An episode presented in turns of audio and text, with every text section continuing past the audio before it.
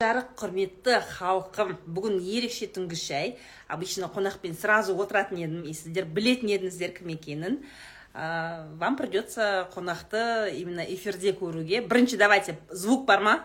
Көрініп тұр ма? Бәрі ничего не висит все красиво болса көрсетем. Быстро написали.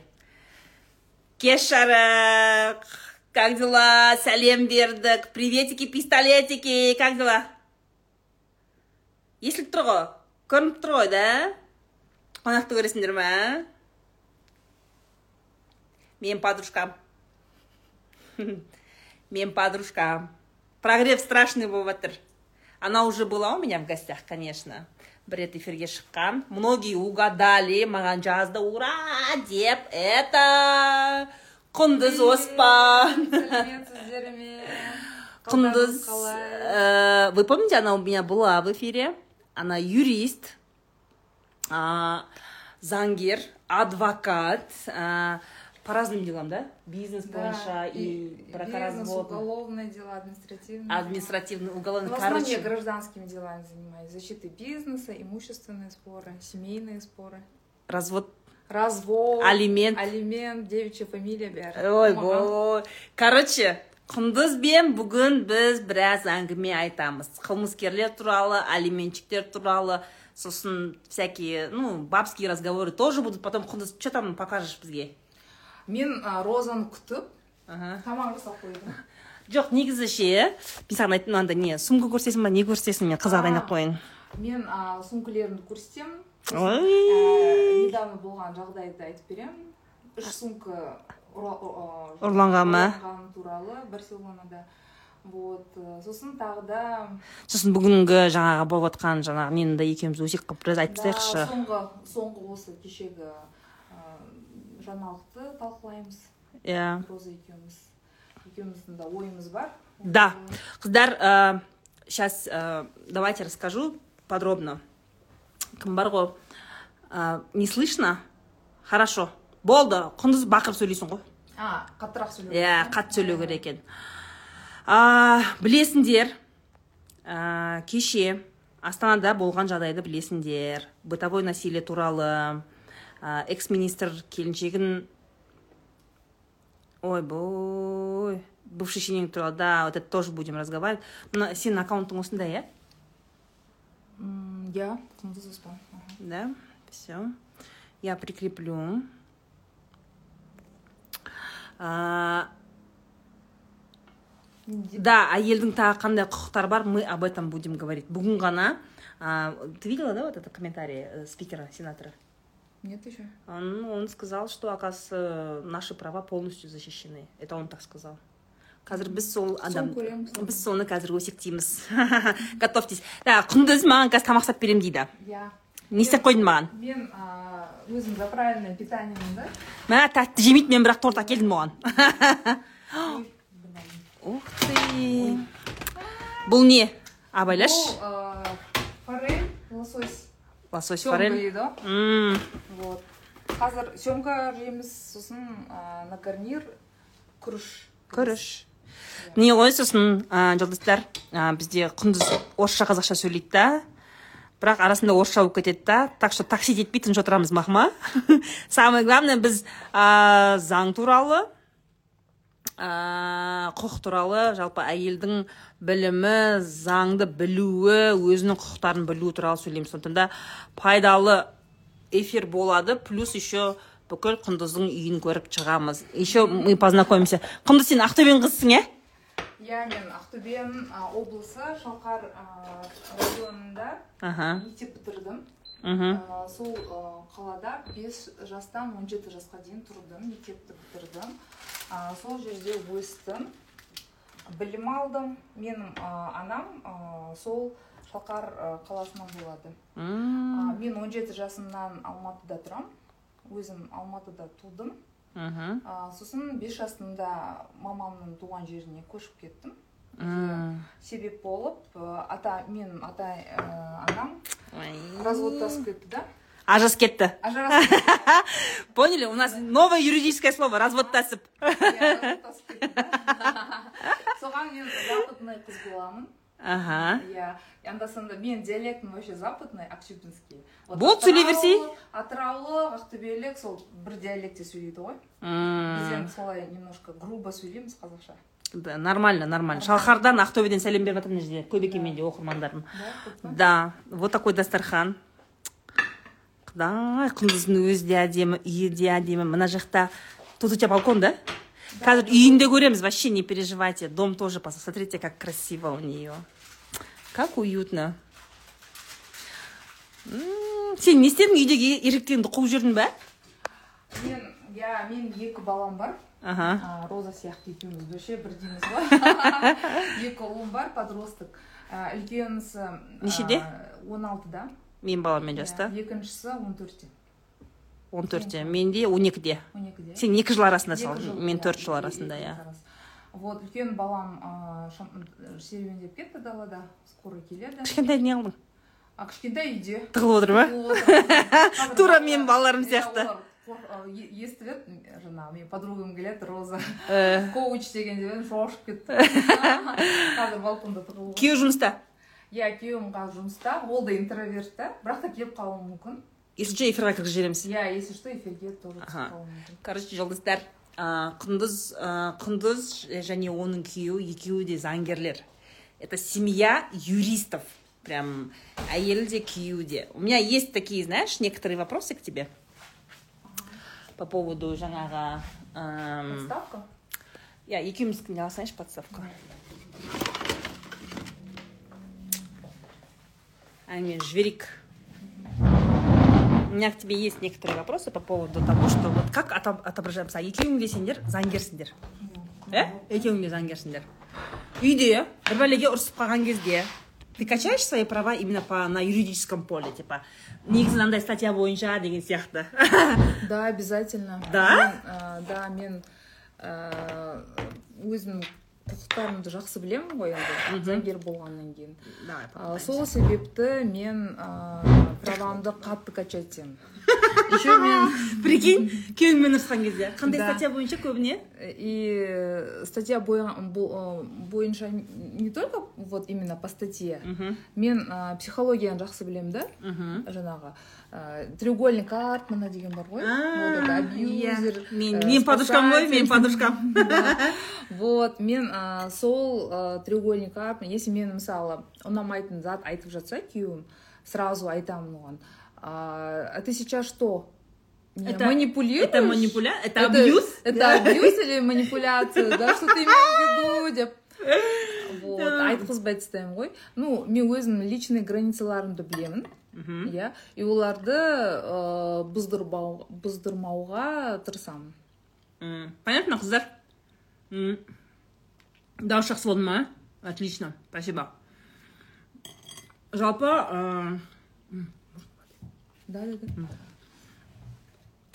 ә, жалпы білесіңдер ма?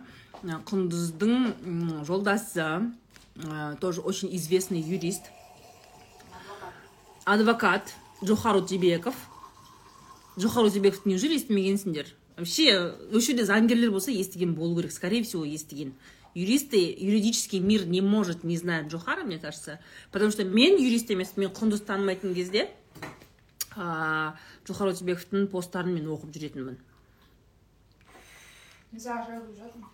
Қазақшаны орысша акцентпен сөйлемеген ба енді айттық қой саған сендерге сразу айттық қой.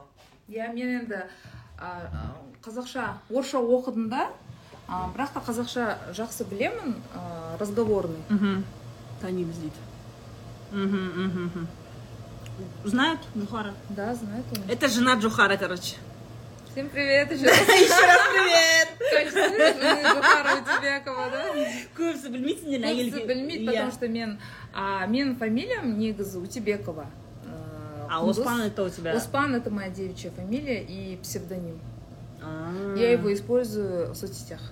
А а так по по документам? Да по Утебекова. документам Утебекова а муж что говорит на этот повод? Он ничего не говорит. Он не имеет права мне что-то сказать. Ма да. Қазір айтамыз что мне разрешено что не разрешено вообще отбасыдағы әйелдің құқығы жалпы әйелдің құқығы қандай мәселеде әйел өзі көмекке жүгіне алады? И жаңағы Кстати, сенатордың әңгімесі, конечно, меня возмутил очень сильно. А, Так, ребят, те, кто понял, что сегодня будут очень серьезные разговоры, серьезные әңгімеге дайын еместер, этот не э, шығып кете берсеңіздер болады мы сейчас будем очень важные темы обсуждать кеше білесіңдер астанада м, экс-министр а, қуаныш қуандық бишімбаев да его зовут? қуандық бишімбаев Ана кім, ректордың баласы ғой да. иә бір ректордың баласы по-моему шымкенттегі әуезов университетінің ректоры болған оның папасы кажется так и папасы кажется дружил ноль первыймен сондай бірдеңесі бар короче жап жас болып қырғын карьера жасамай ма А, сколько он в 33 да где-то я в АП читала работал? что он а, бывший болашаковец да Да. болашақпен оқып келген еще да в аппарате президента работал да да да да советник И- болған отыз да, үш если жасында не ма? ошибаюсь да Да, короче, отыз үш жасында ма он короче советник бір нәрсе короче сделал головокружительную карьеру министр болып кетеді Э, я помню когда он был қаттырақ айтыңызшы Э, кім бар ғой а жаңағы өсекті айтып жатыр ғой а біз өсек Иә. Түсінікті юкугудың иә юкугу ғой да? Бәрін білесіңдер иә? Иә иә иә э, сондай сөйтіп естігем мен оны қайдан білемін? Сол кезде ол ол кісі ректор болған кезде мен по моему шымкентте тұрдым. Одан кейін жаңағы қуандықтың өзі м, нұх бәйтерек қой. Нұх бәйтерек пе бәйтеректің Да. фонд бәйтеректі национальный бір нәрсе фондтың бастығы болған кезде да сол кезде я в астане жила сол кезде мы тоже удивлялись мә не деген жас талант міне болашаққа жиырма жеті осындай». жасында советник болған да да да да да. Жиырма жеті мә болашаққа барсаң осындай екен күшті мықты деп қатты қызыққанбыз. Я тоже в свое время очень сильно мечтала болашақпен барсам мен осындай карьера жасаймын деп ойладым ғой енді қайдан білейін оның әкесі арқылы продвигаться етіп жатқанын сонымен эм, чувак потом в каком то 43 года он сел и он, его осудили он жыл бұрын. Ей он жыл емес. Алты жыл его осудили в семнадцатом году. В семнадцатом году. Сөйтіп оған Алты жыл кетті. парақорлықпен ақша жымқырған ғой білмеймін қайдан жымқырғанын он жылға ол сотталған. Сотталған. Бірақ та ол он жыл отырмай ә, екі жылдан кейін ба бір жарым жылдан кейін ба ә, босатылған. Ә, условно досрочное освобождение дейді. Удо. Иә. Вот сол удоға шығып ә, енді содан ол екінші рет үйленген. А говорят заңсыз үйлен ы, имеется в виду загсте жоқ. Ну вчера я читала тоже орда кезете ана қыздың базасын қараған ғой жаңағы қайтыс болған қыздың ше она не в браке она не зарегистрирована в браке. Енді получается это гражданский брак деген бізде жоқ қой норматив. Бізде да законом не зарегистрировано енді он будет ол- и теперь она будет убита как э, посторонняя женщина же? Не Нет, жена же? Нет, это все равно. Нет, у нас же есть понятие, она хоть и сожительница была, Мгм. м, то есть они не состояли, да, да. Мгм. заңды некеде тұрмаса да олар бірге тұрған ғой бірге тұрмыс құрды бытовые у них были да вот эти общий быт деген сияқты беременнамын деп айтқан ба сосын бірдеңесі бар екен ғой иә маған жазды бір екі адам ол оказывается бір ай бұрын өзін екіқабатпын деп эфирде айтқан ба? Инстаграмда айтқан мақтанған қыздарына ше я вот беременна анау мынау деп айтқан короче инстаграмда своим подписчикам а мен оны оказывается ол қыз танымайды екен кеше мен де бірінші рет у нее закрытая страница ол астролог консультация береді ма? Сонымен танысқан ғой сен не айтасың? Он а, пришел да, да, да. он Ол, пришел- оказывается, консультацияға келген. да Иә. пришел к ней на консультацию потом у них там получается отношения Любовь. мынау любовь морковь Морковь. кеткен Мгм. вот сөйтіп вообще давай мы посмотрим на личность этого человека чисто по-бабски пообсуждаем этого человека А, я считаю что он такой э, избалованный нарциссический деп ойлаймын Ну, я просто его не знала. я фотки посмотрела все за прошлые года выступления Ты по фоткам можешь сделать такой. вообще да негізі вот по тип мышления и оны этот не мен түрмендегі көруге болады истерический тип нарциссический тип параноидальный тип прям түрден білуге болады у меня кстати келесі жылы ә, келесі жылы ә, те которые сенің жолың бағдарламасын алғандар ә, вам будет мастер класс о том как адам түрінен мышлениесін білу. Да? да, да. Физиогномика деймін Ол сонда. физиогномика сол сияқты но это в основном неден білесің взгляд как он держит тело как он разговаривает что-то мне показалось что он такой Ну, я не могу делать вывод, и я считаю, что это не совсем этично, да, вот, ну, говорить про его там ну, нарцисс там или еще Да, да, что-то, да. да. Мы же тем более с тобой не психологи, но Я считаю, что а, вот это вот бытовое насилие, ну, никто, конечно, свечку там не держал, да, у них в доме не жил, но я когда вчера прочла новость, я, я считаю, что такое насилие уже было до этого. То есть это не первый случай в их семье, что они сразу поругались, и он ее ударил. И типа бірінші рет жеген ба ондай емес деп ойлайсың ба Нет, я думаю, что да, потому что обычно, когда а, жертва уже сабайды ғой сабауға келу үшін басында ұрыс болады там ә, моральный абьюз болуы мүмкін уже. Ну смотри первая жена от него почему ушла? Вопрос тоже. Ну я не знаю разведенный человек. Мынандай да? Когда он, его судили бірінші рет соттаған кезде по этому коррупционному делу. Сөйтіп түрмеде жүгіріп оның артында қасында сол бүкіл қиындықты көтеріп бірінші әйелі жүреді. М. сөйтіп жаңағы бір жарым жылдан кейін удомен шықпай ма? Сосын шыққаннан кейін они разводятся. она ждала когда он выйдет а потом развелись ну я слышала да я видела вчера в новостях что она действительно его прям за него болела навещала прям сон соңына Соңына, не істеп да. тастамаған сотына барған Да. очень много фотографий сотында иә бірге отырған күйінде түскен суреттер көп да да да да да мен де сол әйелді ойладым да өзімен где то қатарлас иә сондай әйел Ә, кезінде же по моему бірге болашаққа барған ба что то такое не помню мүмкін мен оны білмеймін оқыған жоқпын Короче, она Так ушла. глубоко. Она от него ушла. И видишь, э, жена тоже же в Фейсбуке комментарии гуляют, Мгм. типа, м, как он может, типа, обращаться к астрологу, да и на него что еще.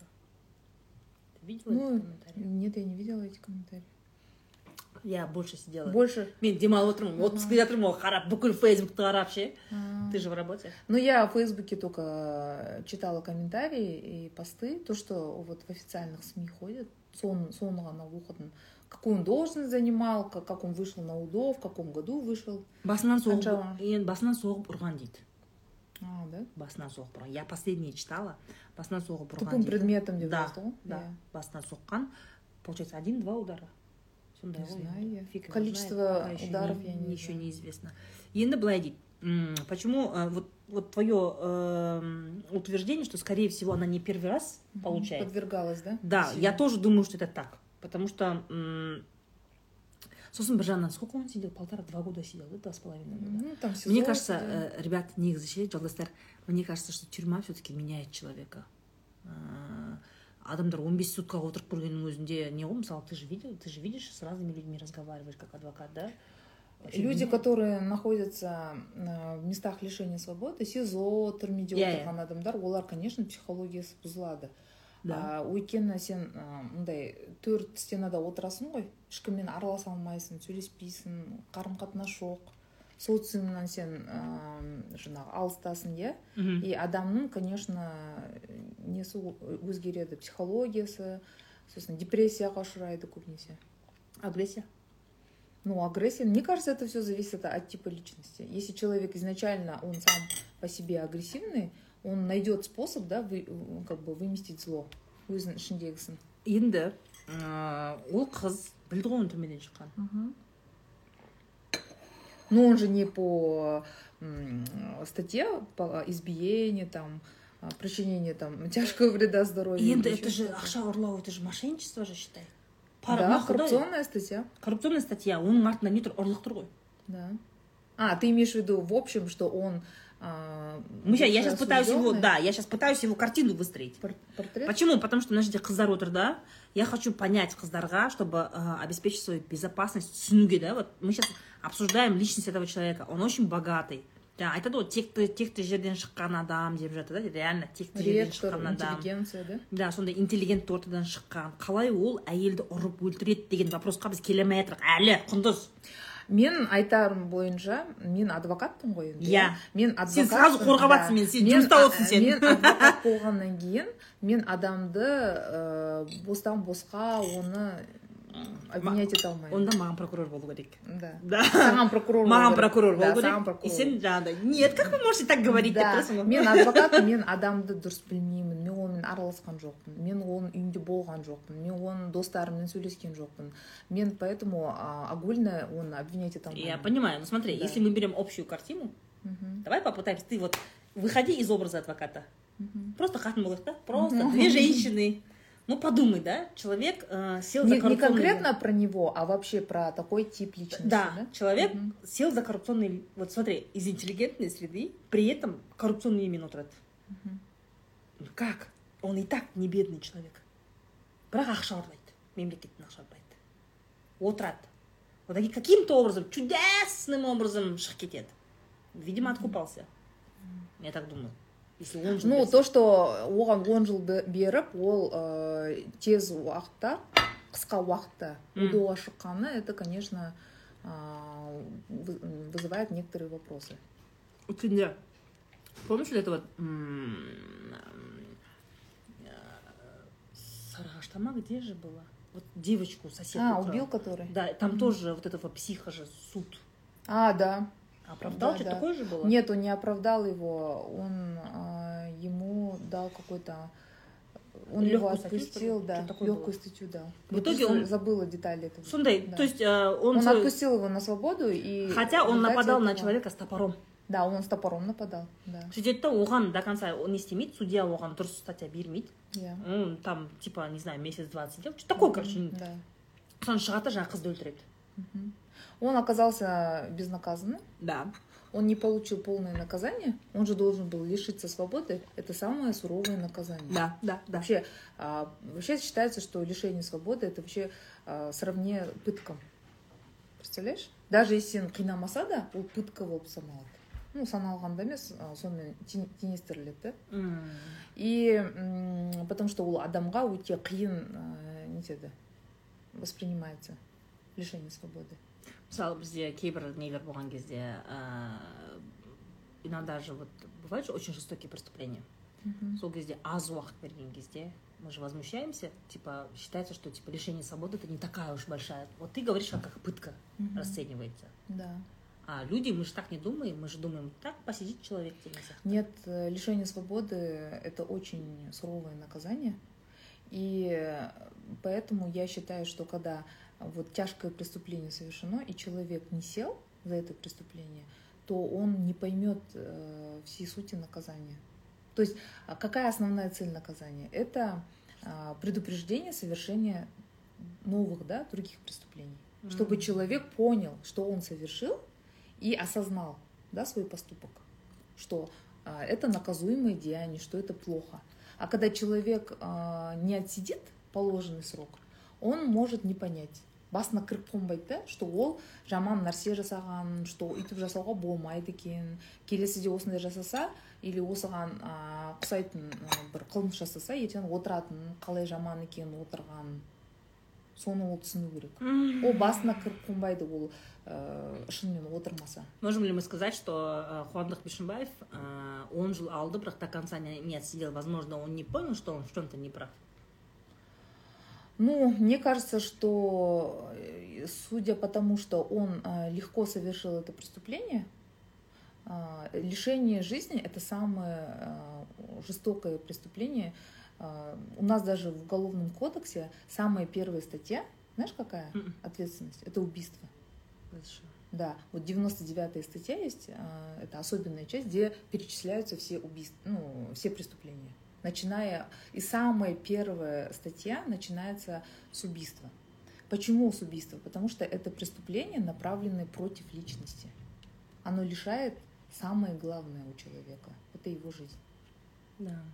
Пот- Потому что жизнь, она бесценна. Ты же не можешь оценить жизнь Никак. человека. Ты не можешь. Поэтому, а, совершив такое жестокое преступление, человек, он же, когда его совершает, он же должен же осознавать свои последствия, что он сядет за это, да?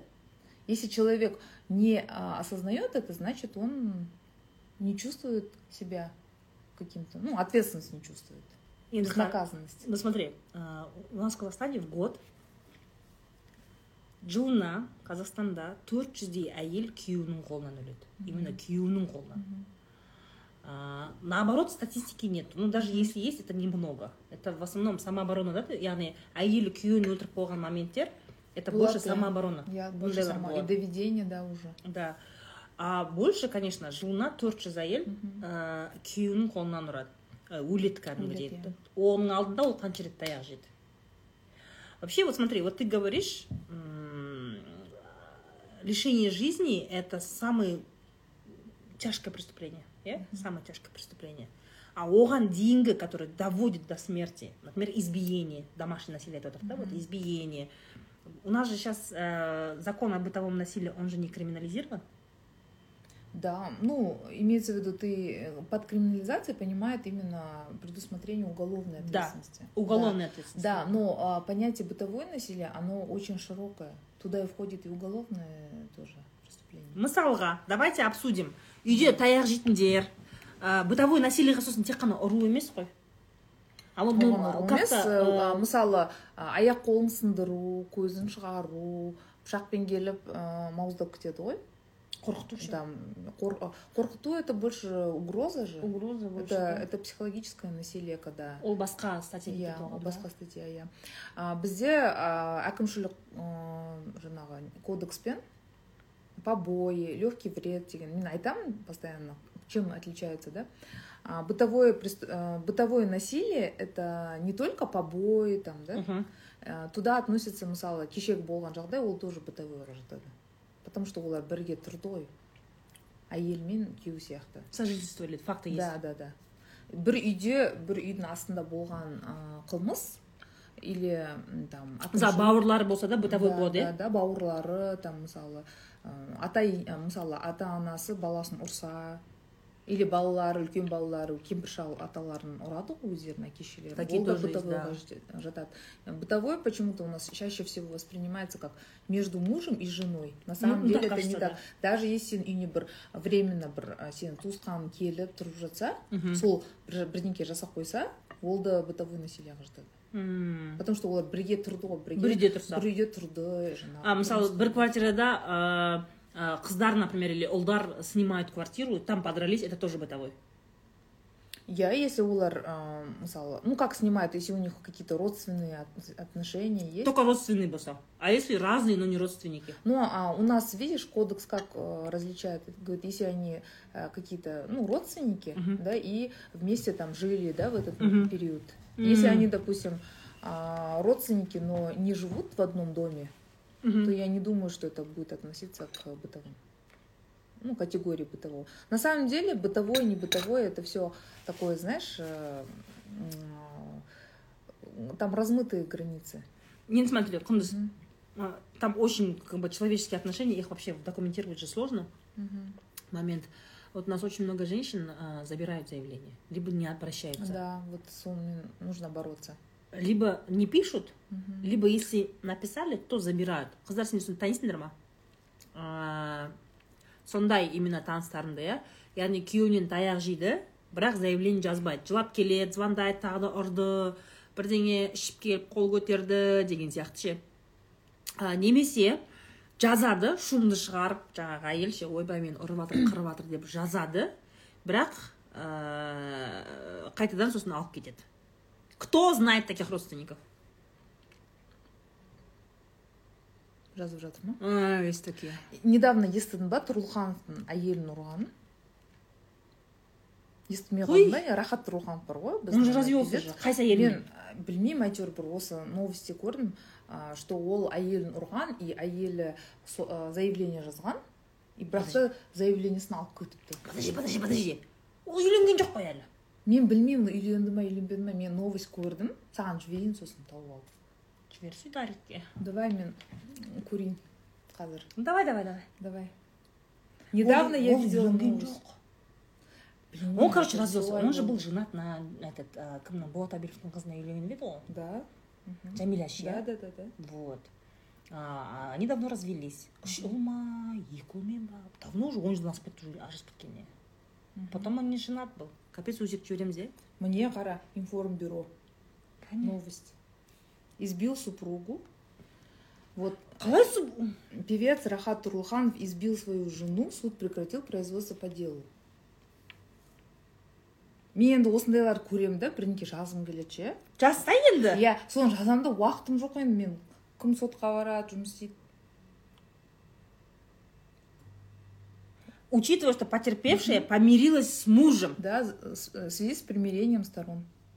Помнишь жазда мен саған айттым ғой бірінші июльде бізде ана изменение кір- енгізді ғой Ә. что если повторно в течение года тағы да ұрса әйелін онда уже примирение болмайды а бірінші рет болады. Сол Опять случай оставили этот случай, да? да да сол случайда они воспользовались и поэтому ол айтқан енді алып кетіп Бұдан кейін жаңа жылдан кейін ұра ма енді? иә жаңа жыл болғанда енді қазір қазір октябрь ма ноябрь ма қашан осы мартқа дейін короче ұрмау керек та әйелін Мартқа дейін ұрмау Иә, керек, одан а кейін ұра бере ма? әйелін ұрса онда ә, даже в этом случае оған мысалы не болады сол кезде арест болады Арест на сколько? 15 суток, арест там 10 и 15 суток в зависимости от того у него там побои или легкий вред Вот смотри, ты сталкивалась с ситуациями, когда вот э, с, с жаңағыдай заявление жазады, и сен Мгм. адвокатом выступала в сторону мужчины. да выступала не только не в сторону мужчины А как? маған бір еркек даже хабарласты әйелі ака скалкасымен ұрған прикинь Еркекті. иә Е, өйткені мен сендер күлдіңдер ғой мен сендерге айттым ғой еркектерден заявление түседі деп ше еркектерден заявление түседі әйелмен таяқ жедім деген он бір мың бір жылда он бір мың заявление қабылданады екен. С мужской стороны. А с женской стороны вообще в целом о бытовом еркектер жазады он бір мың? Смотри в целом 115 тысяч заявлений түседі екен бытовой 15 насилие тысяч ага. да он он процента от мужчин. Он процент от мужчин. Да 90 от женщин оказывается. В новостях Ну, еще мужчины иногда, они такие хитрые. Они, когда әйелі жазады ғой, олар қырылады ғой мысалы әйелін ұрады иә? Сосын әйелі енді ә, она же не все же как этот овечка сияқты отырады иә мен ұр өлтір деп иә? Иә. Ана бишімбаевтың әйелі сияқты а некоторые сопротивляются да тоже дерутся. Ондайлар бар ма күйеуімен И, төбелесем дейтіндер бар менде когда они дерутся да в ответ Ага. и он күйеулері ерегісіп анау заявление жазды ғой жүз екіні шақырып иә әйелі сосын ертең өзі не болмау үшін ол ответкаға жазады. Сондай еркектер бар. Я в шоке. Ол өздері ұрып ұруын ұрып алады да сосын анау ұрып сопротивляется сосын үстінде енді нелер қалады синяктар да да да. Ол да тоже ол да тоже экспертизаға барады ананы шештіреді сөйтеді. Как обычно еркектер драка болады ғой солай сияқты болады. Мен саған түсіндірейін мен қазір психологияны прям глубоко үйреніп жатырмын да оқып жатырмын да. Я поняла психологию мужчин. Мне- сегодня мен бір комментарий бердім неге алименттерді еркектер төлемейді деп. Неге? маған бүгін журналист мындай сұрақ қойды да қаншаға статистика смотри здесь пишет комментарий. Не деп жазып жатыр? Класстасым әйелін әйелін ұрып өлтірді екі жылдан кейін босатты говорит. Пиздец же. Мә екі жылдан кейін? Это же пиздец же. Мә да. Ты знаешь много чего мы журналисты либо блогеры мы не узнаем қалып кетеді да? Бізге адамдар айтады осындай. Да. Мен осы осындай мәселені көтере бастайсың ғой айтып талқылап иә? Сол кезде адамдардан қаншама историялар білесің. Мен я же часто пишу про эту тему Э, мне столько женщин пишет у меня такая ситуация такая я вообще в шоке что оказывается м- и мне кажется что как будто все бәрі вокруг- сен сияқты вокруг спокойно абьюзер. да нет мне кажется как будто все абьюзеры после этого жесть когда к ней уже начинают писать ну ә, очень сложно сондай күніне сондай хаттар маған да күніне жүз екі жүз хат келеді ғой оның бәрін енді оқып я, жүре я, алмайсың, я да. все не успеваю, но открываешь там трэш за трэшем, трэш за трэшем. Мгм. Но все равно я как бы держусь, я не теряю надежды на хороших, э, то есть э, стараюсь увидеть в людях человечность. Конечно, очень много хороших человечных людей. Вот. И Особенно в моей в мужчинах. практике тоже. Я же э, не только же с плохими такими людьми, которые не платят алименты, да, бьют, убивают жен. И у меня есть э, клиенты, которые э, мужчины, которые прям тоже са- сами стали жертвами, да, можно сказать. Каким образом? айтып берші міне бір история бір история айтып берші дегендей бір история айтып бер атын айтпай no name а вот мен жазда жаздым ғой сол история туралы давай расскажи а, менің бір клиентім бар ер кісі. Ол әйелімен ажырасып кеткен ғой. И ол ә, қызы бар да он- 16 жастағы. И қызын сабайды шешесі постоянно. Он алтыдағы қызын сабай ма? Иә 15-тегі 16-дағы қызын сабайды. И сол қызы ә, жаңағы қашып кетеді да шешесінен. Әкесіне келіп жылап мен мамама барғым келмейді сенімен тұрамын дейді. Да жылайды сосын ә, әкесі мені таниды ғой мен Иә. онымен клиентім да басқа істер бойынша и мен ол ә, консультация бердім да айттым если қызды ұрса онда неге барыңдар? Полиция шақырыңдар зафиксируйте. иә судмед экспертиза жасаңдар соның бәрін жасаңдар деп. Сосын ә, сот болды әкімшілік. Ол сотта ә, мамасын нетті. Әкімшілік ә, Административный не ма? административный ответственностьке ә, привлекли. Чем это чревато? Ей просто предупреждение сделали все баласын ұрған үшін иә ол баласын ұрды баласының үстінде синяктар бар ушибтер бар. Еще самое главное это же не только синяки. Ладно синяки они пройдут да? А прикинь какой она вред нанесла ну психо- психике. ребенка теперь ол баласы көргісі келмейді шешесін көрсе сразу ұрса ұрс- ұрсып шыға келеді әкесімен тұра ма енді қазір әкесімен тұрады иә кеше психологқа барды психологқа барған кезінде шешесі келіп баласын наоборот қызын жаңағы құшақтап нетудің орнына сразу келіп ұрсып жатыр. М, вот сондайлар да болады. Психикасы дұрыс емес. Менде бір тағы да бір ә, случай болды. Ол бұрын алты жыл бұрын болған нәрсе. Мен бір клиентім болды да ер кісі. Әйелімен балалары жоқ общий әйелімен ажырасып жатты да. Мен соларды ажырастырдым да и әйелі ә, то сотқа береді ажырасамыз деп. То заявлениесін алып кетеді. Біз айтамыз енді бізді уже хотим ажырасуға десек ол келеді да она вдруг не хочет сөйтіп сөйтіп короче бізде қиыншылықтар болды и ол деген до того ана еркекті позорить етті иә что олар ана үйін нелерін б- бөлді ғой заттарын общее имуществосын что ол даже ана үстіне ә, киген соған пиджак оказывается она подарила какой то пиджак цепочку или еще что то соны қайтарып берсін деді ғой прикинь.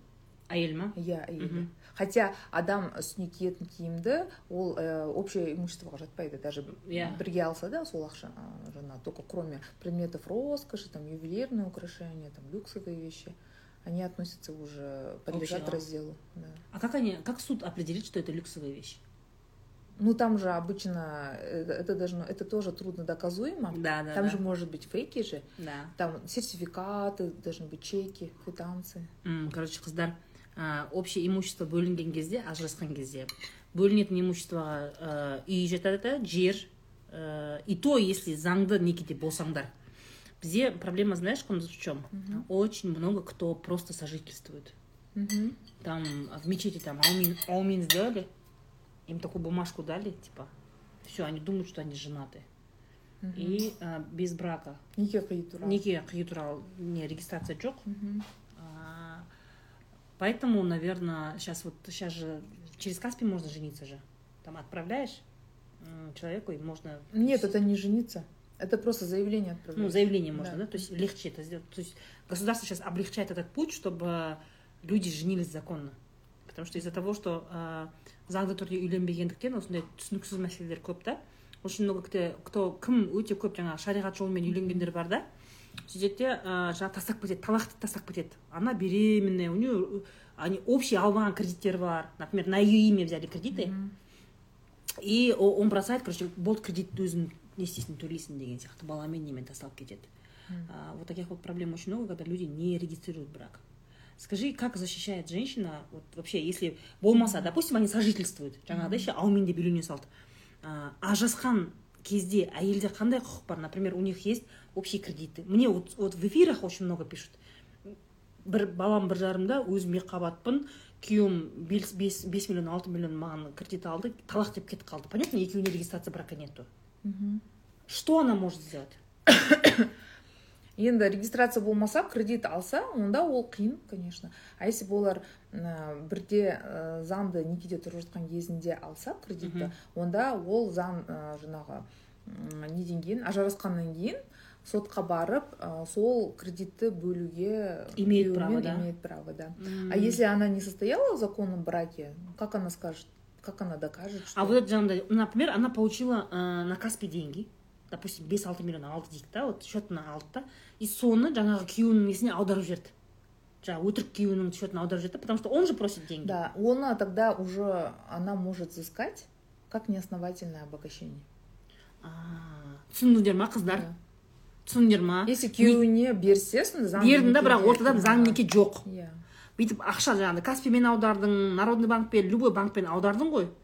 Мысалы доказательство болса? Иә аударған Аудар- наличка емес именно аударған туралы доказательство болса онда қалай дедің Не- неосновательное обогащение деген ә, иск бар. О взыскании неосновательного обогащения. Түсіндіңдер ма так что біреуге жаңағы ақша жібер жіберсеңдер андай адамдар бар ғой осы мен айтайын деген мен банкоматтан жаңағы ақша салып жатсам өзі пополнять етіп ше депозитімді соны каспиден көп адам постоянно келеді соны жыным келеді сондай адамдарға ше маған бүйтеді сіздер наличка бар ма? Маған беріңізші мен комиссия төлегісі келмейді да за обналичивание. И говорит мен э, сіз маған наличка беріңізші мен сізге говорит каспиіңізге ақшалай жіберемін дейді переводпен. Өйтіп адам ә, жіберсе ол ертең ә, это знаешь чем чревато опасно? Он может потом сказать вот мен анаған қарыз бердім иә перевод жасадым. А ол ә, мен ақшамды алып алды да енді бермей жатыр. Как ты докажешь что ты наличка отдал? Түсіндіңдер ма? Ана банкоматтан тұрған кезде бүйтіп ақша салып жатқан кезде банкоматқа маған наличка беріңізші мен сізге переводпен жіберемін десе келіспейміз. Бірақ та Смотрите, я тоже живу с абьюзером, недавно ушла, теперь он делит имущество и хочет все забрать. Угрожает, если не отдам, что то что-то сделаю деп дейді ранее писал заявление на побои в суде покажет тема бірдеңе дейді енді ол ұрса он ұрғаны на раздел имущества никак не влияет потому что имущество это имущественный вопрос ол дүние ол иә а ол ұрды ма там изменять етті ма это уже моральный вопрос камера, да? камера бар ғой дейді в случае если банкоматта камера болса как то доказывать? Мен сендерге айтайын. Мен ә, қаншама неткенде да запрос жасайсың ғой ана каспи банкқа мысалы любой банкқа где банкоматтан ақша алынды иә. Yeah. ол камерада обычно жаңағы он память кішкентай ғой ол мысалы он жыл бойы отырмайды ғой сен бәрі yeah. там ә, обычно может ә, через месяц уже память стираться. Жоқ иә. Бітті ала алмайсың. Бір айдан кейін флешка обнуляется. флешкада ғой это не обязательно бір ай ну да через какой то срок да бір ай екі ай там үш ай но если даже это полгода болған зат болса онда тяжело доказать вот но қатты қорықпай ақ қойыңдар здесь э, в совокупность доказательств деген бар ғой не только а, сам каспий перевод служит да основанием для истребования денег но и их взаимоотношения там переписка какая то соның бәрін тоже сот талқылайды но риск такой имеется мало ли мысалға да допустим бывает же э, помнишь вот эта ситуация была э, где вот эти вот блогерши байер болған блять как ее зовут Они, короче, через байера заказывали, заказывали сумки Hermes. Она вместо да, полный ақшасын алады да бірақ привозила фейки потом он біліп қояды да они писали короче этот не істеді шулады но ничего не смогли доказать кто клиентки которые заказывали да да они не могли да мне тоже обращались такие вот они не могли доказать енді ол жерде қара да вот они все были подружками то есть екі үш қыз подружка болады да сөйтеді да орталарында біреуі байер болады она говорит я вот с той дружу с этой дружу давай мен әкеліп беремін дейді да ақшалар они все, все время дружили есть общие фотографии в инстаграм то все но они не могут получить от нее деньги ну обычно сол байерлер они же в Дубае где-то там в Америке живут да? А у нас а, можно обратиться с иском если человек живет в Казахстане. А если ты хочешь обратиться, если ты хочешь там уголовное дело завести, да, о мошенничестве, да, что ол алаяқ жасап ақшасын алып алды деп сондай кезде ол заявление подается по месту совершения преступления. А ол америкадағы жатқан адамды қай жақтан іздейсің сен қалай табасың когда вы хотите в суд обращаться обязательно адамның тұрып жатқан жері адресі пропискасын соның бәрін білу керексіздер мына жерде сұрап жатыр. Если үй алғанда өзімнің атыма кішкентай баламды доляға қостым дейді. Қалған балалар доляда жоқ олар өскен кезде сол үйге талап қоя ма? Біздің ақымыз бар деп дейді. Жоқ олар қандай талап қоя алады? Если сіздер только ә, жаңағы наследственное право деген бар ғой. Адам өліп кеткен кезде жағдайда только жаңағы наследник сияқты ғана имеет право претендовать. А так ол жаңағы мысалы сіздің үш балаңыз бар иә? Бірінші балаңызға жаңағы соның атына өзіңіздің атыңызға долевой собственность қылып оформлять етіп отырсыз ғой иә үйіңізді. Онда ертең ә, сол үйдің жаңағы хозяины сіз и сіздің балаңыз болады. Қалған балалардың ешқандай қатысы жоқ. Көбісі вот адамдар иә они заблуждаются, а, как думают, что когда э, мысалы супруги делят же имущество mm -hmm. разводятся и мысалы үш баласы бар төрт баласы бар без разницы да олар ойлайды что балалардың да долясы бар деп. А түсіндіңдер ма? Ол балалардың долясы жоқ ол үйде. Ол үй қақ бөлінеді. Екіге бөлінеді. Иә еркек пен әйелдің арасында бөлінеді. 50 на 50 брачный договор сұрап жатыр короче мынандай қазір давайте закончим разговор про, про а, не ажырасудағы дүние мүлікті бөлісу бойынша. Дүние мүлікке көлік жата ма? Бәрі жатады. Депозиттегі ақша Депозиттегі ақша. мысалы ақша жаңағы любой ақша даже депозит емес обычный счеттағы ақша. Ал неше инвестиционный жаңағы акцияларға не істелген портфельдегі ақшалар? Ну если все это в браке было приобретено да все это а, а если мужчина скрыл даже доля в то. а, доля в то тоже мысалы көбісі ойлайды жаңағы тоо біз ә, бірге үй алдық м- машина алдық та Аха. бір әйел айтады да мен күйеуім бірақ та ол жаңағы машиналардың бәрін тооның атына жазып қойды дейді да все равно же Да, егер да Да, но э, смотри, у нас как? А, у нас э, ТО это ТО. Мгм. У него все, что на него попало, да, Мгм. балансно, это его имущество. М.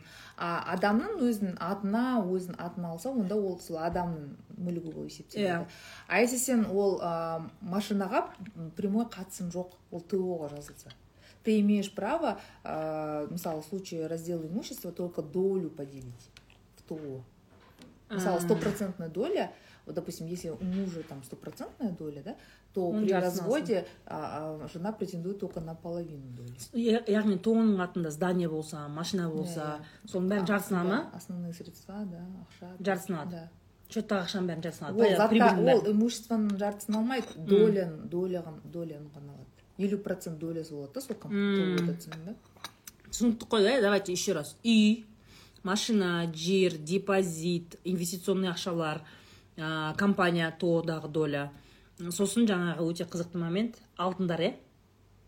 Если да доказано чектері болса чек именно- да именно үйленген кезде осы некеде алынған алтындар болса алтындар да бөлінеді. М, сосын брендовый заттарыңыз жаңағыдай. Шубы андай шубы. а, люксовый заттар какие то там. Гучиларың лора пиана кристиан диорларың бәрі екіге бөлінеді иә? Картины болса андай болады ғой пикассо. Да да да да вдруг кому то повезло там пикассо да да у кого-то пикассо да есть. Картье мартье бәрі бөліске түседі мына қара дейді тоғысы бар адамдар соттың кезінде әйелі ала алмайтындай қылады сатып алады судьяны дейді назым говорит. Не дейді?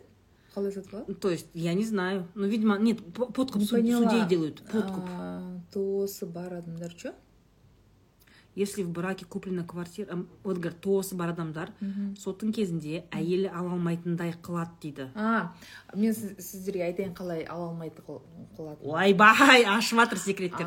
Мысалы олар жаңағы тоға ақша түседі ғой контракттармен иә счетына ақша түседі. Сосын ана әйел айтады да мә күшті оның компаниясы бар гүлдеп жатқан ше сол ақшаның жартысын ертең бөлемін деп ойлайды ғой. Тон долясына кіріп алып. А на самом деле можно а, он может подстроить так что а, это ТО не получит этих денег понимаешь как ну просто расторгнет договора там иә біреуге берешек бола салады өтірік контракт істей салады иә да ондайлар да бар. А. или там мысалы счетқа түспейтіндей қылдырып тастайды ақшаны да қызда үй болса бөлінбейді дейді. Иә егер сен до брака өзіңнің үйің болса бөлінбейді ол. Сосын қандай мысалы үйлендіңдер иә екеуің сосын а, мысалы қыз, қыздың а, мысалы ата енесі бір бабушкасы бір жақта тұратын иә? Соған наследство тастап кетеді. Наследство. Мхм бір квартирасын ше мысалы. И сол квартира наследствоға сол именно завещать етіп кетеді ғой жаңағы қызға иә? Иә. Ол даже брактың кезінде болса да неке уже Иә. они поженились живут да вот смотри мы с вместе. тобой поженились да у тебя какая то бабка там умерла в да, москве да в центре москвы Да. арбатта саған квартира Да. қалдырады да екеуміз в браке да я получу эту квартиру нет тоже? ты не получишь это А, уже да? будет моя квартира полностью считается. А. то что приобретено в наследство или допустим моя бабка решила подарить мне Ага. эту квартиру э, то что по дарению м, мне принадлежит тоже является моей личной собственностью и ты не можешь претендовать түсіндіңдер ма түсіндіңдер ғой да брачный договор туралы сұрап жатыр енді брачный договорды любой моментте жасай аласыздар А, жаңа үйленгеннен кейін любой моментте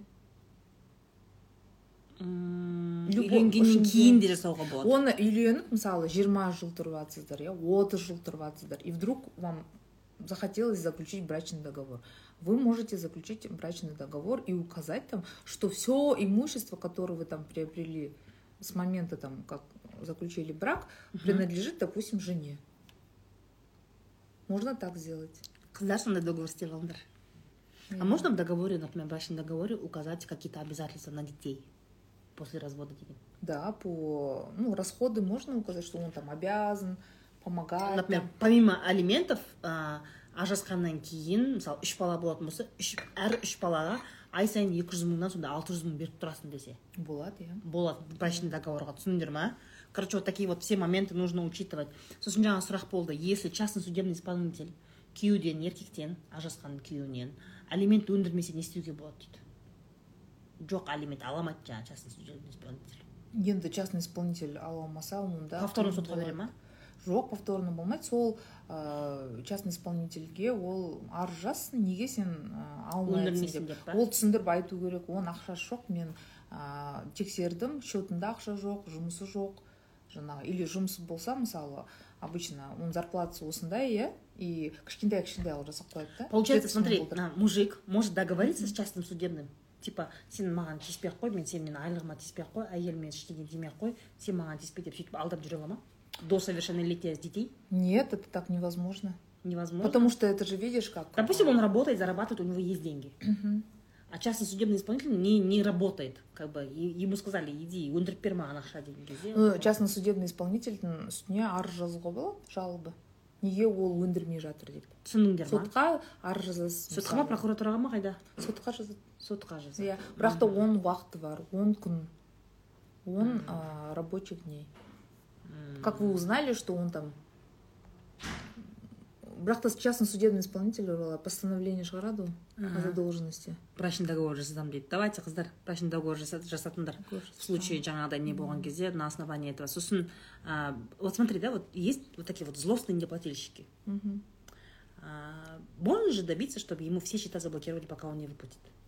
Конечно это же э, не он прям не да. выездной ничего. да, запрет на выезд да.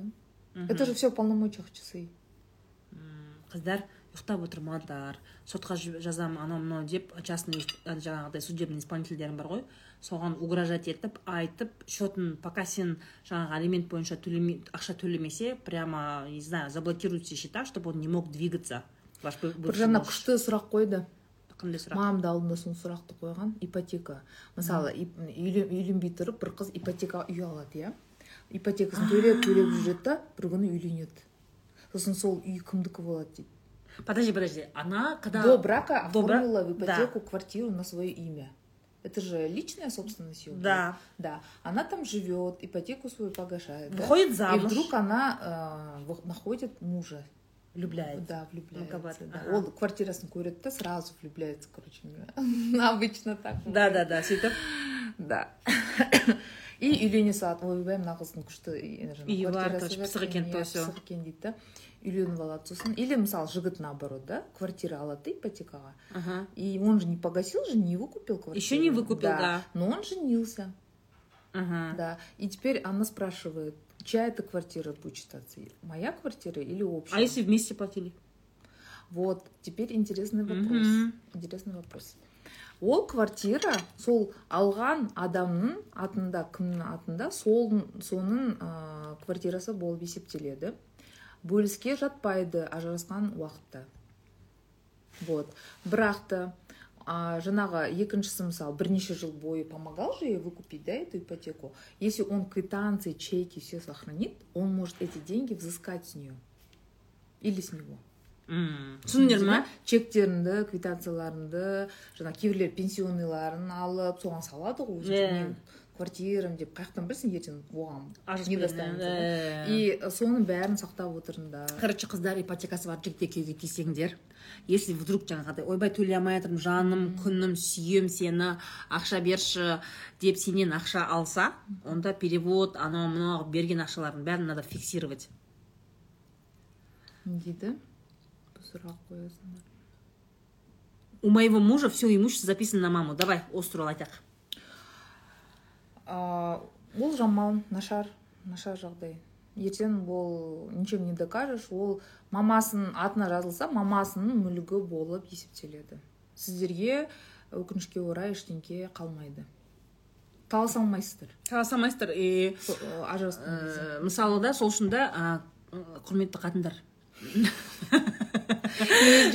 Болып жатсам құрметті қатындар әңгіме мынандай ә, никогда не соглашайтесь чтобы ваш муж э, переписывал э, квартиры имущество на кого-то из своих родственников. На это никогда не соглашайтесь.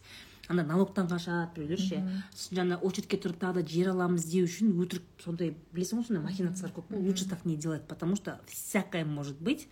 Сол сол мысалға да вот я знаю семьи которые фиктивно разводились чтобы встать в очередь. В итоге они разводились. В очередь на что? На жилье. Помнишь было такое қазір ол программа жоқ а да. Анау ше мать одиночкалармен тұратын сондай ше сондай программалар по моему сейчас этих программ нету. Но короче үш- төрт баламен төрт баламен ажырасады фиктивный развод жасайды да? Сөйтеді да әйел ойбай мен асыраушым жоқ ә, төрт баламды жалғыз өзім асырап жатырмын дейді да. Сөйтеді да очередьке тұрады да льготное жилье алады. Но в это время они продолжали жить вместе. Но без официального брака. Сонымен білмеймін қырғын сүргін болады и они конечно короче они в итоге развелись. Развелись? Развелись. И в итоге мынандай әңгіме бар да еще такой момент. Ә, әйел мен күйеу өздерінше жаңағыдай вы же пытаетесь систему типа ә, обмануть?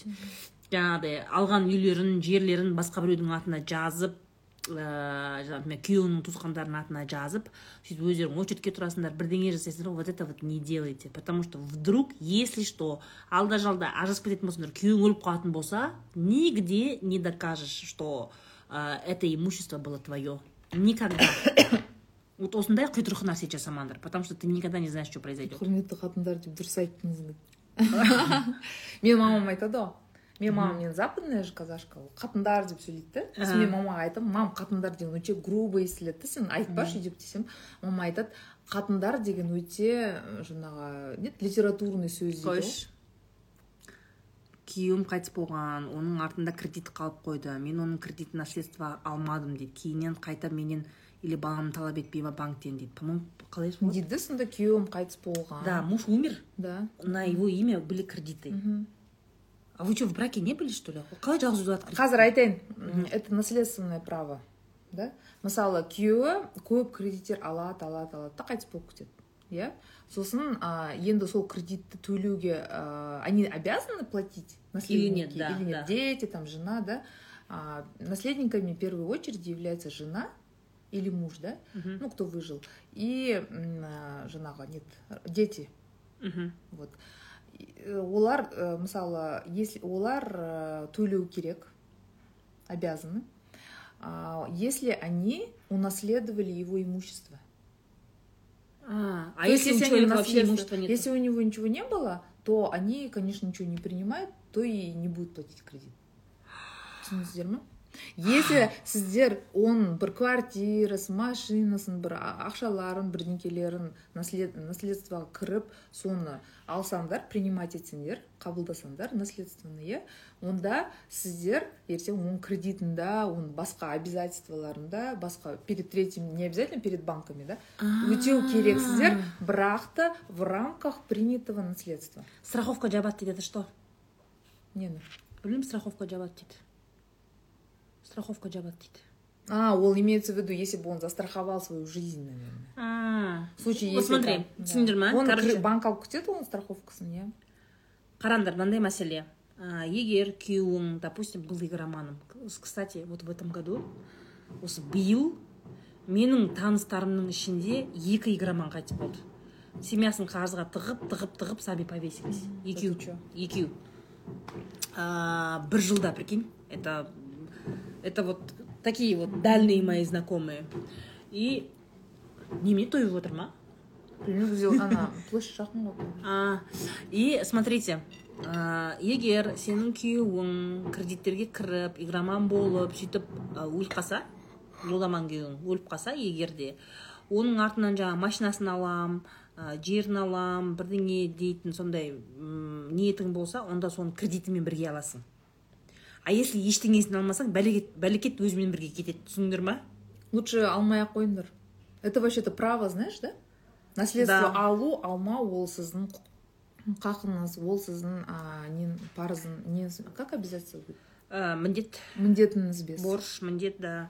Смотри марқұм күйеуімен ештеңе қалмады таза кетті пенсионкадан ақшасы шығыпты соны соны ал деп звондаған дейді. Ну, енді оның если кредитов нету берите. Да.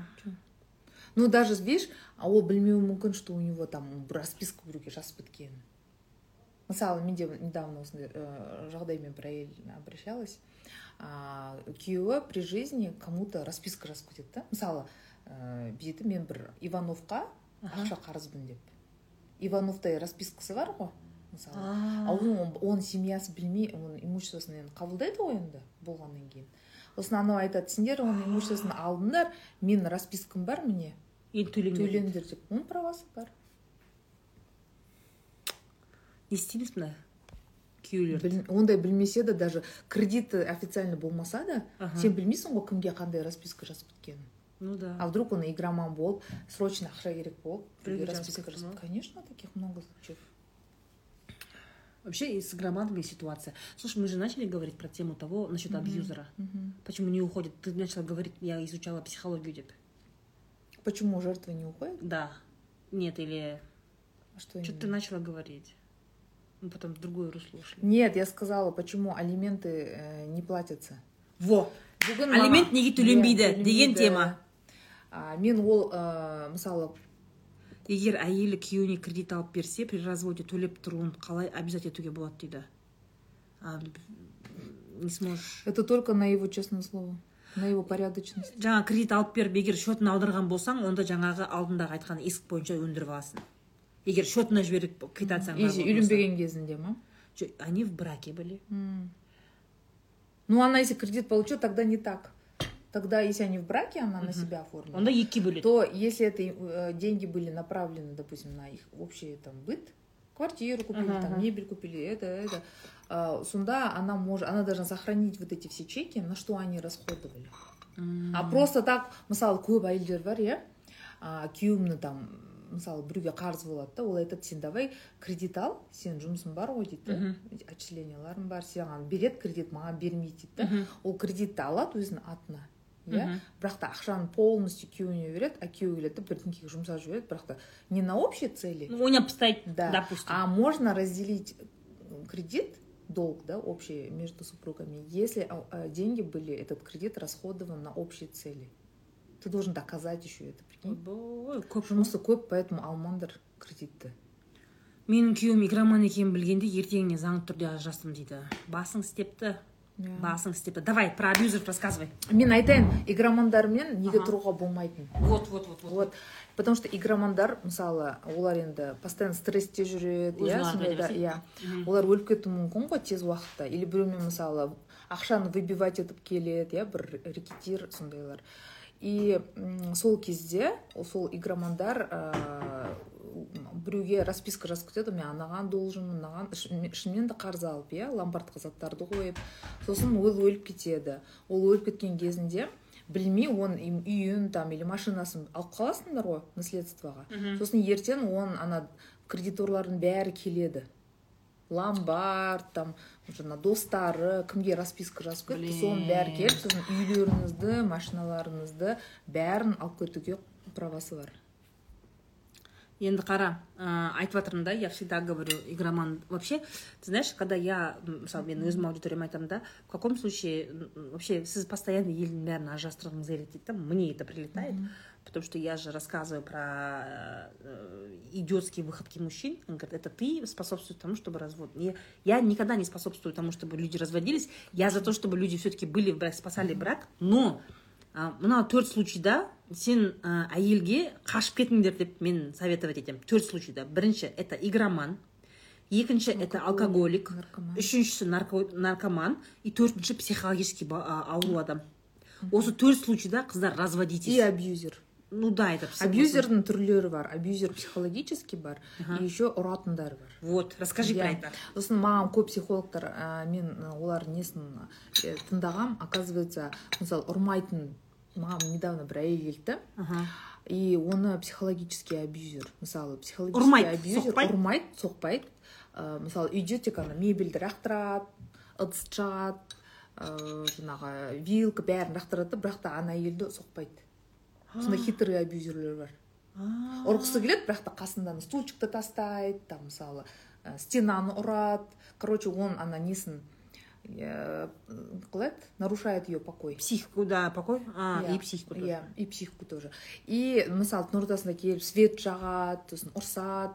мысалы мынау не мынау неге мына жерде сен пыльды не вытерла почему сен мына мына затты алып тастамадың неге мынаны бүйтпедің сөйтпедің орнына қоймадың миын жейді неге мен көйлегімді нетпедің неге сен мына өтектемедің неге тамақ алып келмедің неге мынандай сүт әкелмедің неге мындай вилканы сатып алғансың неге бүйткенсің мусор шығармағансың деп сөйтіп сөйтіп миын жейді ғой Мгм. ол да абьюздің түріне жатады это называется моральный или психологический абьюз его можно доказать Доказать только если вы запишете это На видео. видео да. Бірақ та там доказать еткен кезінде это административная ответственность Мгм. 73 статья. М, Да, ну статья хотя бы есть? Статья есть да. Да. можно написать заявление. Но мен айтатын м, дегенім абьюзерлер обычно олар трусливый болады олар вообще түсіндіңдер ма қорқақ болады иә қорқақ болады и олар жаңағы сіздер қорқып оның жаңа угрозаларына тыңдап сеніп отырып жаңағы ешкімге айтпай айқайламай ұрыспай ойбай мынау тек тыныш болса аузы тыныш болса болды деп отыра берсеңдер олар сендердің мойындарына отырады. Вот. Поэтому сіздер сразу соны видеоға түсіріп алыңдар фото бәрін ұрса мысалы бәрін фотоға видеоға түсіріп фиксировать етіп обязательно жүз екіге звондап полицияға шақырыңыздар. Ыдыс дұрыс ана өткенде мен сендерге айтып едім ғой только ты и я деген французский кино көріңдер деп. Вон там там есть все этапы развития абьюза. Яғни жаңағыдай потихоньку ограничениеден бастап иә адамды психологический ограничениеден бастап соңында жаңағыдай ұрмай соқпай жынтығады просто ұрмай соқпай жынтығады да ұрмайды сені ұрсып даже ты можешь сказать прийти там родителям сказать типа мам маған мен тұра алмаймын мен мынамен ажырасқым келеді деген сен есің дұрыс па? сені ұрмаса сені соқпаса да тебе никто не поверит надо эти вещи м, жұмыс істеп жатыр ақшасын Да. тауып жатыр жаңа балаларының әйтеуір әкесі кетпе Да, деп да, сондай да, да, да. әңгімелер болады иә үйім бар күйім бар деген Мы сейчас расскажем про психологию алиментчиков. Давай, э, пока чай кипит, э, мы с тобой распакуем э, Давай. десерт. давай Да. бірақ сен жемейсің ғой мен сенің балаларыңмен бірге жеймін құндыз тәтті жемейді бізде құндыз че ты еще не Зато- кушаешь да ты что ты еще не кушаешь мен ә, сиырдың сүтін ішпеймін ага ә, сосын тәтті жемеймін и нан жемеймін әні и ничего не умерла вот Да. красавица стройная да Иә, мен потому что жаңағы ә, маған врач айтты да жеме деді да жақсы одан не болмайды деп маған роза құсты торт алып беріпті сен жемесең торт балалар сияқты иә да. Мен бүгін торт алғым келді да бірақ та я же за зош иә. И ол дұрыс емес деп ойладым да что мен өзім за зош болып алып розаға топық қойып бірақ мен өзім жеймін сосын сенің балаларың жейді. Иә. Өзің ғана ойлайды дейді ғой. Иә. Прививаю правильные привычки. Бірақ саған рахмет. Мен как раз торт алғым келген. Мынаны кесіп салған кеше сал. Иә кесіп салған құндыз жасың нешеде дейді? Менің жасым қырықта. қырық сексен үшсің иә сен иә сексен үш когда у тебя день рождения я что то в инстаграме не видела твой день рождения когда отызыншы январьда а я же водолей міне осы жылдың басында болып кетті мен туған күнім а мен неге көрмедім или я не была подписана на тебя ты же мне это цветы передала ты что а забыла прости. Ага. А мы же тогда только познакомились. Птичье молоко? Да андай советское прошлое мен вспомнить. М, птичье жақсы көреді все зови его Да, будем вот, есть птичье вместе. молоко с йогурт вот птичье молоко. Это А, короче лолипопсы да? лолипопсы они. Они полезные которые сахар жоқ М, барбале вот все эти сладости которые веган, глютен фри я как раз же глютен Да, и веган фри, и глютен фри, вот это все. Все сладости такие. Во. Құрт у вас любит дома? Хорт? Да. Кто любит? э, старший сын э, обожает Короче, я угадала желание твоего старшего. Мелкому вот это, я мелкий да, мелкому вот это, старшему вот это. Еще зеленый чай менің Да. зеленый чай жақсы Ой, да, я капец угадала. как раз мне зеленый чай бітіп қалды Да, да, да, да, да. Рахмет саған А, Давай аспасын. мынаны кесейін сосын сол отырып шай ішеміз иә Да, да, да. біз ана не болып кетті ғой кулинарный шоу болып кетті ғой Не говори. Слушай, мына жерде саған тамақ істеуге эфир жасау керек екен. У тебя островок классный здесь, прям удобный. ойлап тұрмын да сол Да, эфир қосып, бірдеңе жасап жүріп. иә. Вообще социально не емессің ғой. Вообще, давай мы расскажем, как мы с тобой познакомились. Или мне, давай я расскажу сама. Сен былай кесе бер короче біз ә, құндыз екеуміз қалай ә, таныстық короче екі мың это двадцать второй год был да жиырма екінші да екі мың жиырма екінші жылы бірінші июньде бірінші июньде ол кезде мен ақ бмв мен жүремін ә, бірінші июнь күні өзім күшті киініп алғанмын ғой яркий такой желтый пиджагым бар. Соны киіп алғанмын такая фифа болып жолға шықпаймын ба? Жарокова аль фарабиде когда просто еду на своей скорости кто-то в меня врезается именно водительский жақтан ал жақтан маған врезается в меня. Я в шоке. Терезе ашық күн жылы ғой я очень сильно испугалась. И ішінен бір кісі шықты да мы вызвали гаи. Там короче стояли несколько часов все дела. Бәрін оформили. Сөйтіп через страховку менде каска жоқ каска жасамағанмын ғой я вот весь май думала. Жасау керек еді все не доезжала до страховки. Хотя машина новая. Да. Странно. Соны короче мозгов бару керек еді бару керек деп барған жоқпын да? И уақыт жоқ и бірінші июнь күні меня стукают. Есть только обычный огпо страховка ғана бар. Ә, сөйтеді да ә, гайдан протокол бәрін өткізген кезде страховка маған 980 мың береді. А на самом деле менің ремонтым 4 миллион тұрады. Новая машина BMW. Новая машина там повредились фара повредилась фара там самая дорогая екі жарым миллион тұрады только. Фара қалған жұмыс анау мынаумен ә, ремонт 4 миллионға шығады да бірақ маған страховка 980 мың ба 960 мың ба береді короче. Я такая не?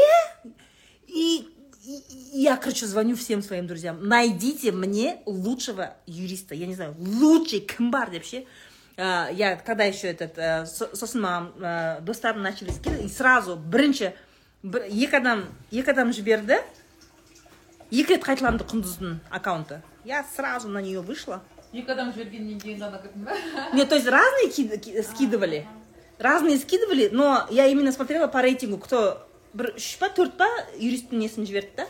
И в четверке были два раза сенің атың два раза сенің атың болды да содан кейін я написала ей говорю осылай осылай ситуация. Э, сумма на 4 миллиона спорный вопрос и все базар жоқ мы договор заключили. Көрген де жоқпыз бір бірімізді ше. Иә онлайн да, мы вообще друг друга не видим. Телеграммен сөйлесіп жатырмық, короче. Все, договор высылай, все, все, все. сөйтеді да ә, бұл өзінің командасымен бүкіл сотқа қатысады. бүкіл нені одним словом сол 4 миллион теңгені до копейки шығарып береді ол маған 4 миллион теңгені өндіріп ә, еще өзінің услугасын бәрін өндіріп до копейки екі жарым ай дегенде мен шаруамды тындырып береді вот так мы с ней познакомились потом где увиделись первый раз Ну, первый раз. Ну вот, когда... Потом ты же обращалась там несколько раз, потом после этого, кажется... вот я не помню где мы первый раз увиделись Все время онлайн были же. куда Мы же с тобой пошли на арт, помнишь? В ресторан пошли. Ана Жусанбанктың несіне барғанбыз ғой вечеринкасына. А, да, да, да, да. Ауылға бардық. Ресторан ауыл. А, да, да, да. Да, мы решили познакомиться вживую. фудимыз ғой, фуди. Да. Біз вживую сөйлесейік танысайық дедік та бүкіл шаруаны бітіріп болып бүкіл судебный исктардың бәрін жауып болғаннан кейін живой кездестік вот так мы с ней познакомились мен сол машинамның ә, шаруасы ә, шаруасы арқылы танысып вот так мы с ней подружились. Оказывается мы очень много общего. Екеуміз қатармыз Иә, Мне- екеуміз балаларымыз подросток екі да ұл. екі ұл ә, такие же интроверты бұлар да күйеу өздері төртеу ғана жүреді ешкіммен сөйлеспейді тура біз сияқты бүйтіп тығылып жүреді төртеуі сондай очень очень закрытые. Мы біздің үйде мен ғана открытым по моему ну хотя у тебя муж тоже ведет блог ты тоже ведешь Да, но он в только чисто профессиональный.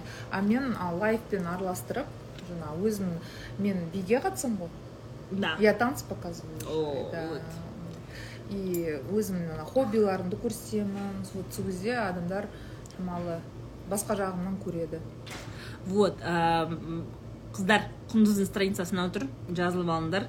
Ә, постоянно андай лишний раз жаңағыдай ау мау андай бос әңгімемен не істемейді всегда пайдалы ақпарат береді. Я всегда смотрю каждый раз ну помимо лайфа путешествие көрсет құндыз очень любит путешествовать. Ә, білмеймін мен мен ондай емеспін. Вот ты лягушка я не знаю мен до, пандемии вообще көп путешествовать еттім ғой Мгм. менің сол э, детская мечта. А да ты мечтала всегда? Да я всегда мечтала. Никогда не мечтала о путешествиях, прикинь? Да? Я не люблю путешествия. Как бы андай қиналамын барып жетіп алғаннан кейін когда я вот доезжаю, такая классно, вау, новые земли, то меня больше всего напрягает вот эта вот дорога напрягает. Ну, ты просто комфортнее делаешь свою еще? Я бизнес-классом летаю. Да? А Всё что равно. тебя напрягает? білмеймін анау бір орында отырасың әрі бері жүресің сосын мен никогда трансферный немен ұшып көрмегенмін Да? андай пересадкамен ше А, ондай мен никогда только а насчет прямойға. трансфера. Мен осы сапары а, я блин. коллекционирую э, люксовые сумочки. Это моя вот любовь, ну, боль моя, да? Вот біздің Роза, она обожает ювелирные. Покажи свои вот эти вот А, красивые цацки. Э, цацки. Да. Вот Сорока. благодаря э, э, из-за того, что ты меня это помнишь, Подсадила. пожа подсадила. мен осындай э, булгаридің серпенте Ага. сақинасын алғанмын бірінші рет вообще никогда не увлекалась мне вообще не интересно было Да. знаешь, вот это всё. құндыз құндызға сен алсайсың бүйтемін құндыз саған ну сумкаларым бар там аяқ киімдерім бар давай теперь следующий уровень ювелирку давай деп Да. содан кейін да ты взяла браслет я браслет карте взяла Ага. После того, как ты мне много раз показывала, Да, показывала. да, да, да, да. Ты постоянно сен енді ашып қалсаң только кольца, э, браслеты, кольца, браслеты. И на- вот подвеску купила, да, на день рождения? свой? да да да да да Да, кулон взяла Булгари такой кал- классный такой. Серпенти, да, тоже? Вообще супер.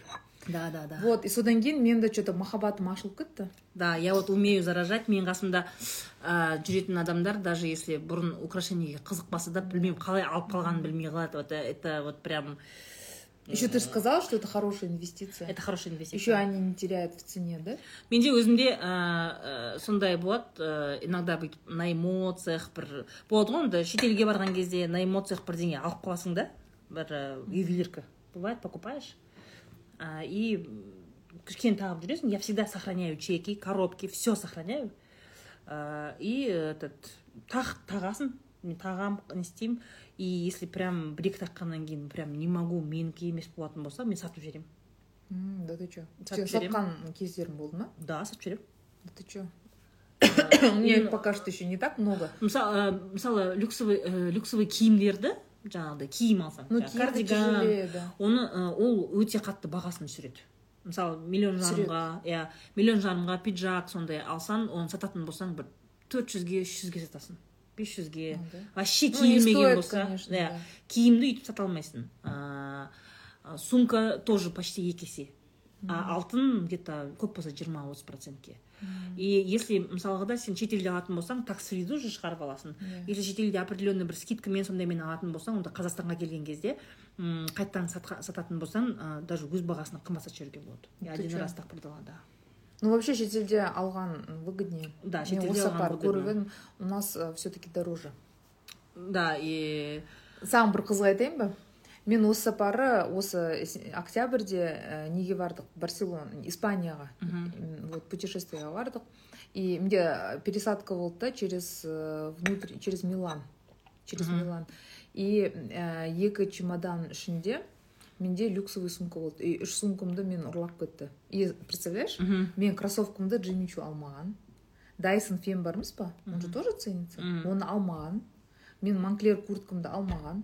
то есть короче говоря люксовые вещи не берут одежду одежда не только сумки береді. М, аяқ киім сата алмайды потому что да ювелирка у тебя на себе была да ювелирку я туда не- у меня только вот один браслет и вот это и остальные я мало взяла сонда смотри вы летели м, қазақстаннан сендер миланға ұштыңдар миланға неуср бар ғой прямой рейс сонымен ұштық неосейр ә, итальянка итальянка да, Авиакомпания. да, ол- но это прямой рейс из алматы в милан прям бізде эйр астанада ұшатын еді ғой да эйр астана знаешь чем плохо? Он ұшпайды неге италия сондай қалаларға миланға ұшатын еді ғой они же ставили миланға рейс. Ұшпайды олар а, может быть э, ставили сейчас убрали. Они а, франкфуртке ұшады еще и то через астану. М. и еще олар а, амстердамға ұшады и, и все кажется.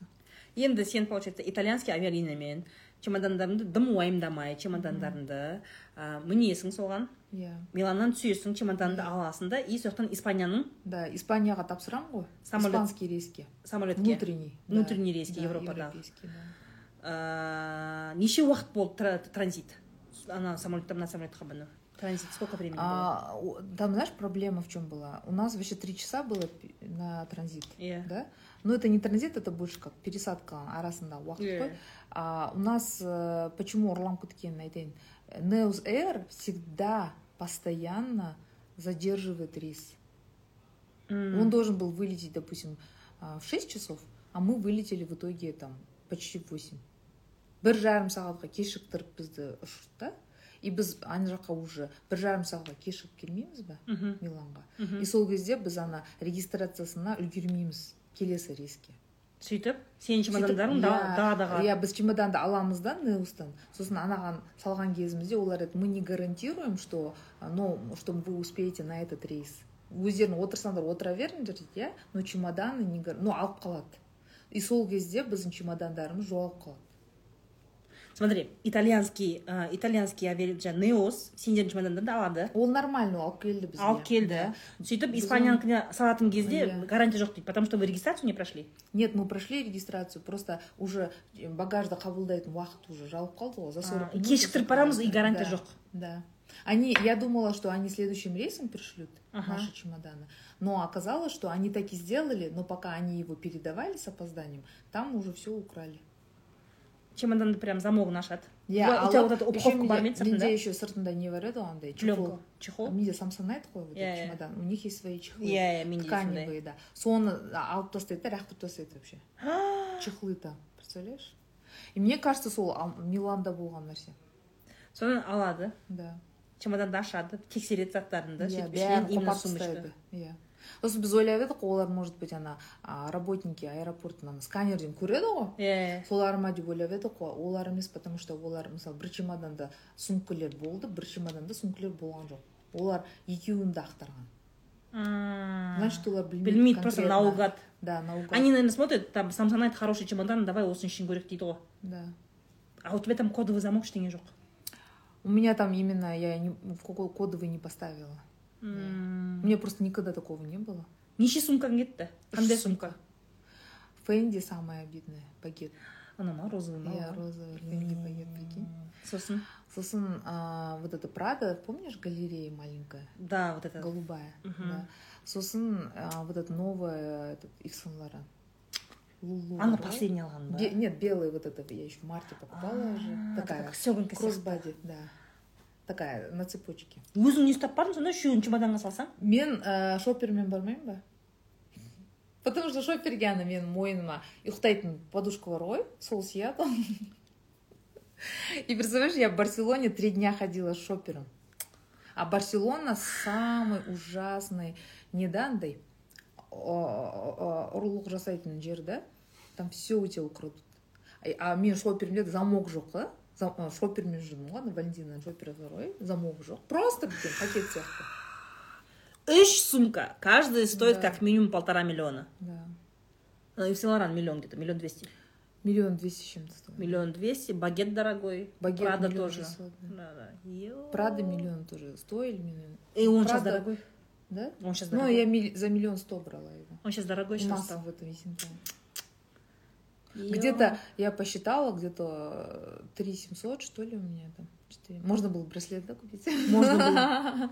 классно если Енді- бы браслет был бы да он бы на руках остался бы да и да всё, да да ним бар десең. смотри мен ә, во-первых транзитында ұшып көрмегенмін но я перевожу я перевожу обычно я в путешествие беру только одну сумку да бірақ моя ошибка в том что мен ә, ювелирка саламын чемоданға вот салма енді роликсы вот эти твои это что за часы Это булгари Вот, не, не клади теперь.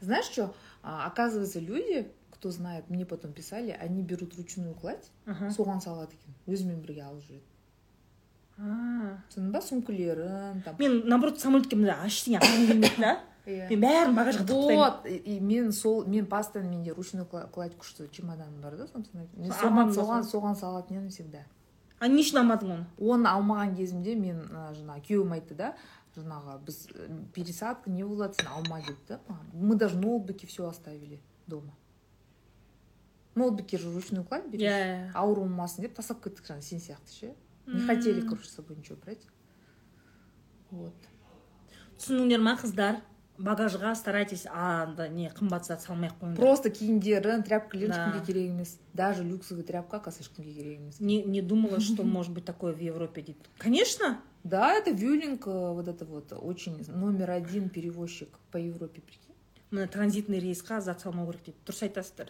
мен просто транзитпен ұшып вообще барғанмын. транзит болсын транзит болмасын В любом. Бізде недавно потом мне новости высылали. Оказывается, в Астане или в аэропорту в Алмате каких-то шесть человек, что ли, которые вот эти вот адамдардың заттарын ұрлаған и біреудің он алты мың долларын ұрлапты наличка алып кеткен а наличка наж- наличку Я- я. украли 16 тысяч долларов да да 16 тысяч долларов я так когда услышала я такая ничего себе». чемоданға наличка ақша салып шыққан ғой сонда я ре- ана неге багажға который регистрированный Иә, багажға иә, иә. салған прикинь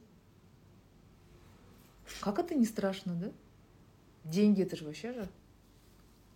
Енді сумкаларыңа обал болыпты.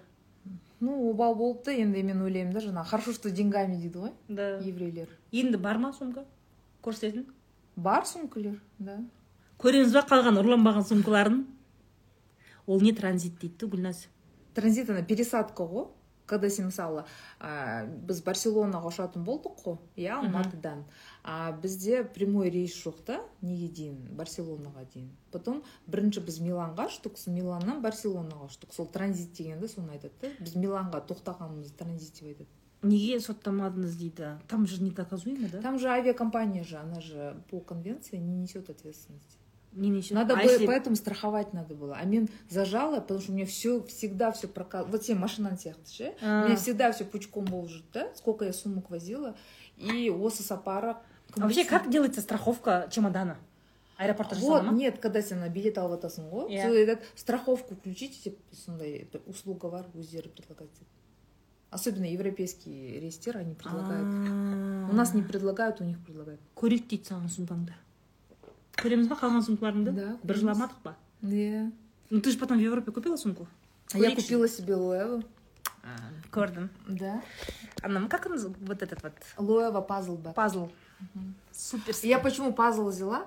ол қатты жауып тастайды да замогын и Мгм. аша алмайсың үстінде еще замогын жауып тастайтын А, отделение ну высылать. барселонада Да. самое то да и мне надо было паспорты там а, пауэрбэнк зарядку соның бәрін салып жүретін сумка керек болды да и чтобы потом в отель не возвращаться? Где ты будешь сумку показывать? Там у тебя муж все пришли да? Сейчас давай я схожу посмотрю. Сен көріп келсей я. А я пока торт попробую. сен бірінші жаңағы жігіттермен келісіп кел я торт буду. Сен жемейсің ғой торт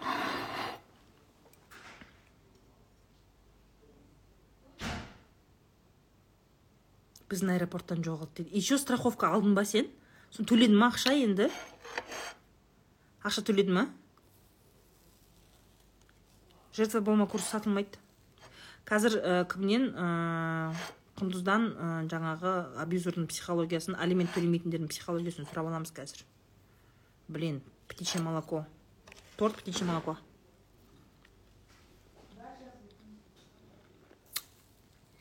Как всегда есентай гурме это конечно на высоте. Просто кайф. М. как думаете криминалист болған дұрыс па следователь ма дейді мә білмейді екенмін қазір кімнен сұрайын птичье молоко неден ғой есентай гурмеден өткенде мен кімге арудың үйіне птичье молоко. Ой не алып бардым ғой десерт павлова апарып едім ғой содан кейін маған қырғын сторис келді ғой содан көріп есентай гурмеден десерт павлова алғандар ше. Ертең барып мынаны алып жүрмейін алатын шығарсыңдар енді иә тоже. Птичье офигенный вкусно не келістің ба давай гардеробқа қарайық иә ага бірақ та жаңағы менің күйеуім эфирге ұялып отыр кіруге да не хочешь ага Угу. Короче, я сделала так, что он в кадр не попадет. Ха, Бірінші мені көресіңдер, сосын гардеробты сразу көресіңдер. А он там в комнате будет, да? да да да Мен, сразу Мен қорқам сен күйеуіңнен. А, не горка. Он тебя не засудит. Так, Короче, у меня гардероб не очень большая. подожди, подожди, мен кірейін да, входтан кірейін. Входтан, сейчас покажу гардероб. Покажу. Заходим. мынау тек сенікі емес күйеуіңдікі ғой деймін да Иә, иә. общий да у вас Екеуміздікі, гардероб иә. А, Я маленькую сделала, я не знала, что я буду много шопиться. ты не знала что ты будешь сорокой Да. Все отлично. А здесь из-за зеркала кажется, как будто большой. Да, я специально это э, э, визуальное увеличение. Прям шикарно придумала. Ощущение, как будто больше комната. Здесь у тебя стоит сушилка Стиральная мен, машина, стиралка. да. Очень классно. Очень классно. Вообще, үйің қанша квадрат? Большая квартира у тебя? лоджиямен бірге жүз жиырма М. Такая же. Ну, нормально на четверых по-моему идеально идеально деп ойлаймын так а, апам еще та шмоточница так қай сумка көрсетесің давай не қалды Я. Ну, это самая моя первая люксовая сумка.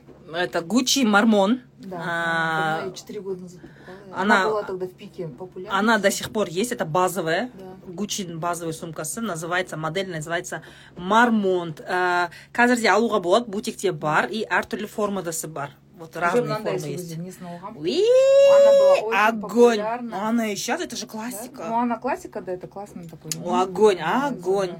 молодец қайдан алдың есентай Байер Э, Нет, это я через байера заказывала. Я сейчас скажу, закажу онлайн.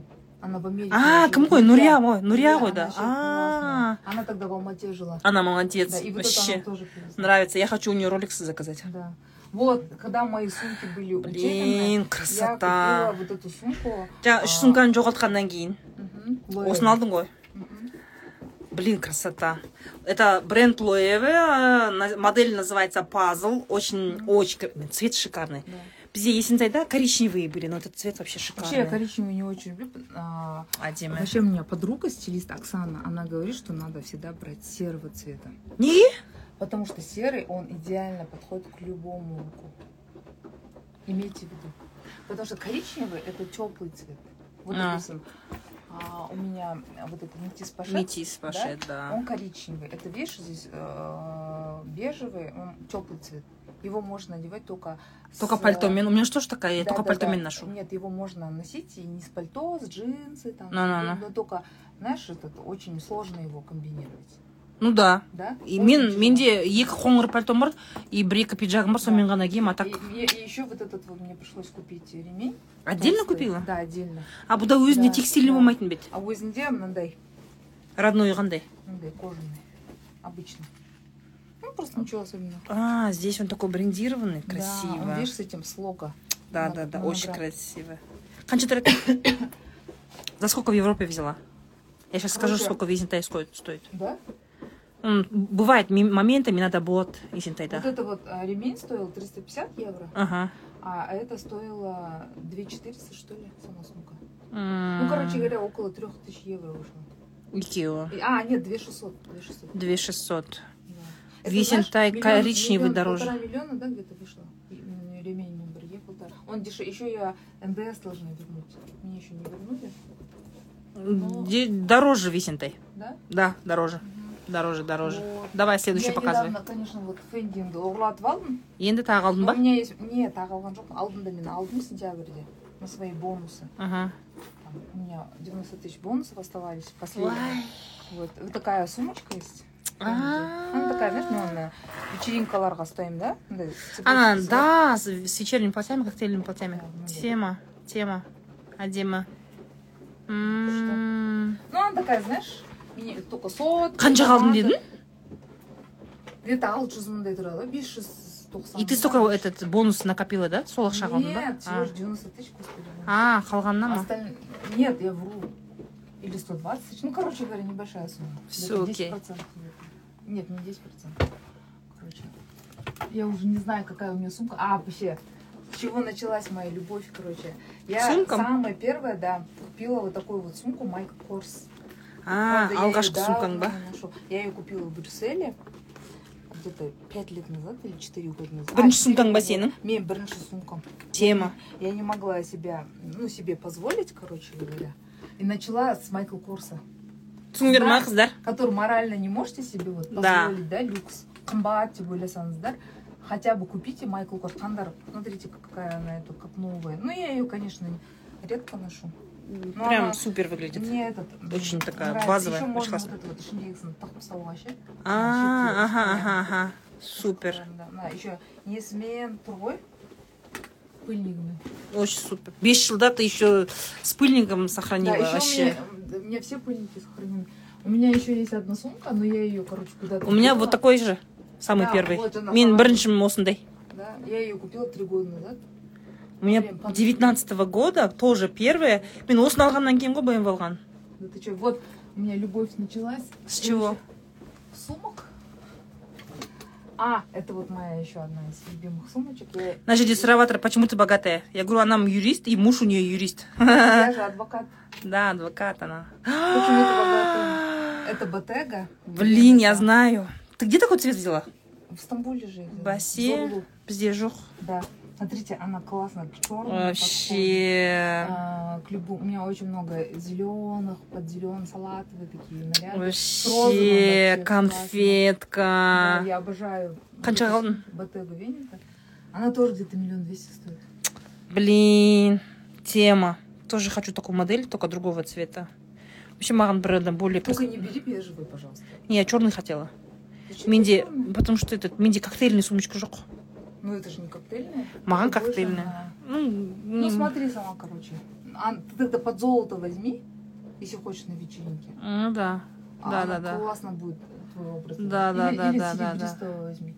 да точно точно точно Да. он стамбулдан қарамасам бізде жоқ Да. они перестали а, бізде кстати, у меня же все сумки, конечно, люксовые. Это сумка премиаль- премиального бренда. Она очень стилистка. Кім бұл? её любит. Это Юзефи. а сакс цветру они классные Да, они классно, обожаю. эту Тема. Юзефи. У него еще вот такая есть цепочка. ой Можно- тема Мынаны можно на повседневку. аха Мынаны алып тастап мына жерінде карабиндері бар. Можно носить а на вечеринку. очень классно очень Да, классно она такая. м, Я тоже ее люблю. жоғары жібековтің жұбайы ғой иә дейді иә солай Сумкалерін көрсетіп жатыр. сумкаға келген кезде вспомнили твоего мужа Да. все бәрін көрсеттің бе Жоқ, у меня там шоперы. А, я тебе не қайда сен показывала. валентина шоперді көрсетпедің Это чё? Это Блин, Венета. театр. А, вон моя еще одна из любимых сумок. апам маған сумка апам не үш сумка апам үш сумкасын ұрлатып Я ты плакала скажи честно не очень плакала, я вообще Почему? к вещам очень отношусь. Я Мне бы настроение плакала. құрылды екі күн бойы. Мен сторис жасамай қойдым ғой, прикинь. Сториске шықпай қойдым. а ты говоришь не плакала Я в ну-ка Милане купила. мама не дейді апам не дейді Обожаю эту сумку. боже боже боже Кстати, сен сумканы сен, сен сотканы сен, кстати. вообще Максимайт. баленсиага и ана сенің телефон макс қой сен блин Еще вот красота металлики цвете надо брать. Классно. тема тема тема ана жынды ғой мынау Черным классно, да? Да, вообще на любой темный образ прям супер. Блин, девочки. екен иә шопер мамаша емес почему именно мамаша болған покажи валентина шопер тоже классный кстати у тебя Валентина Шопер, он сейчас Да. в другой комнате, потом покажу. а окей Я сейчас покажу тебе другой шопер, который я купила в этом году. да давай Да, я же, видишь, я же с ноутбуком хожу. Документ- тебе документы. тебе нельзя Да. Вот, э, это моя... ой бая сумочка. журегом Да. Это, журегом оказывается, inspiration, вдохновление. а, Они вдохновились, Сен-Лоран, да? Когда А. делали эту сумку этим Эрмесом. офигенная и в сен лоран офигенная стилистпен бір- иә иә Я иә сонымен, короче, вдохновление блин ты когда со стилистом ходила да вот купила А, Да, кажется. Это я купила в июне месяце Мне просто для красота работы. надо. у тебя вот эта которую у тебя украли прада она меньше была мне просто Она казалось что она маленькая. будет- она галерея. маленькая Помнишь, мы на Праду вечеринку ходили? же? а Голубая такая. я я я я я ну-ка дай берші берші киіп көрейінші Там. у меня у меня знаешь больших сумок нету только біреу ғана эрмес ғана бар я боюсь больших сумок потому что ішін мусорға толтырып тастаймын Мен даже Ты- не мусорку. сен мынандай не сен ноутбук саласың ғой Мен ноутбук документ саламын ғой, сол үшін керек маған. У меня отдельный рюкзак для ноутбука, а сумки маленькие ношу, потому что еще мусор толтырып тастаймын. Блин, красота. Очень красиво. Мне нравится наш бутик Ев Сен Лоран здесь, в Саксе. Такой, знаешь, они привозят очень важные, очень Да, нужные. что без ДК? Ходовой не Что, Прада? Еще Прада есть у тебя? У меня это моя одна из первых сумок. Е, Блин, апам это- разошлась. Я- Апам Мен разошлась. көрсеткеннен кейін, кіріп- ә, гардеробқа кіргеннен Вот, это моя тоже одна из любимых сумок была. До покупки этой сумки деп қойсам. Вот, это вот Прада галерея. Большая. Да, побольше которая. Блин. Я ее тоже заказывала через Байера. Знаешь, меня пригласили, правда, вообще, а, можно сейчас эту галерею под свой цвет, короче, индивидуальный, кастомизировать можно. Да? Меня пригласили, говорит, э, с- өзіңе заказ берсейші деп там короче вип клиентам предлагают знаешь я думаю не знаю мен магазинде никогда бұл модельге қараған емеспін если честно ну-ка дай его я просто хоть потрогаю посмотрю Ну, цвет такой тоже красивый. Коричневый, такой шоколадный. Можно очень много делать. Очень такой, да, большой, большой, большой. Ну, я, я сейчас коплю на РМС. Хочу взять оранжевый, как тебе? О, классно. Прям это, же сам, это оранжевый. же сам уже этот. Хочу Сама прям фирменный оранжевый. цвет же. Да, прям Оригинальный. оранж, прям оригинальный РМС. Потом, может быть, Оранжевый классно. А Биркин ты не хочешь хочу. какой-то такой более ходовой цвет? Нет. Скорее всего, РМС алсам я перепродавать не буду, наверное. Да? Наследство отдам. Келіндерме. Кендер. Келіндерім біреуіне наследствоға беремін ғой примерно. Ну, остальные сумки у меня такие. Еще у меня есть этот розовая Бербери, но я ее тут куда-то затарила. Розовый Бербери? В Да. Бербери есть розовый цвет? Она такая э, не базовая, проходная, короче.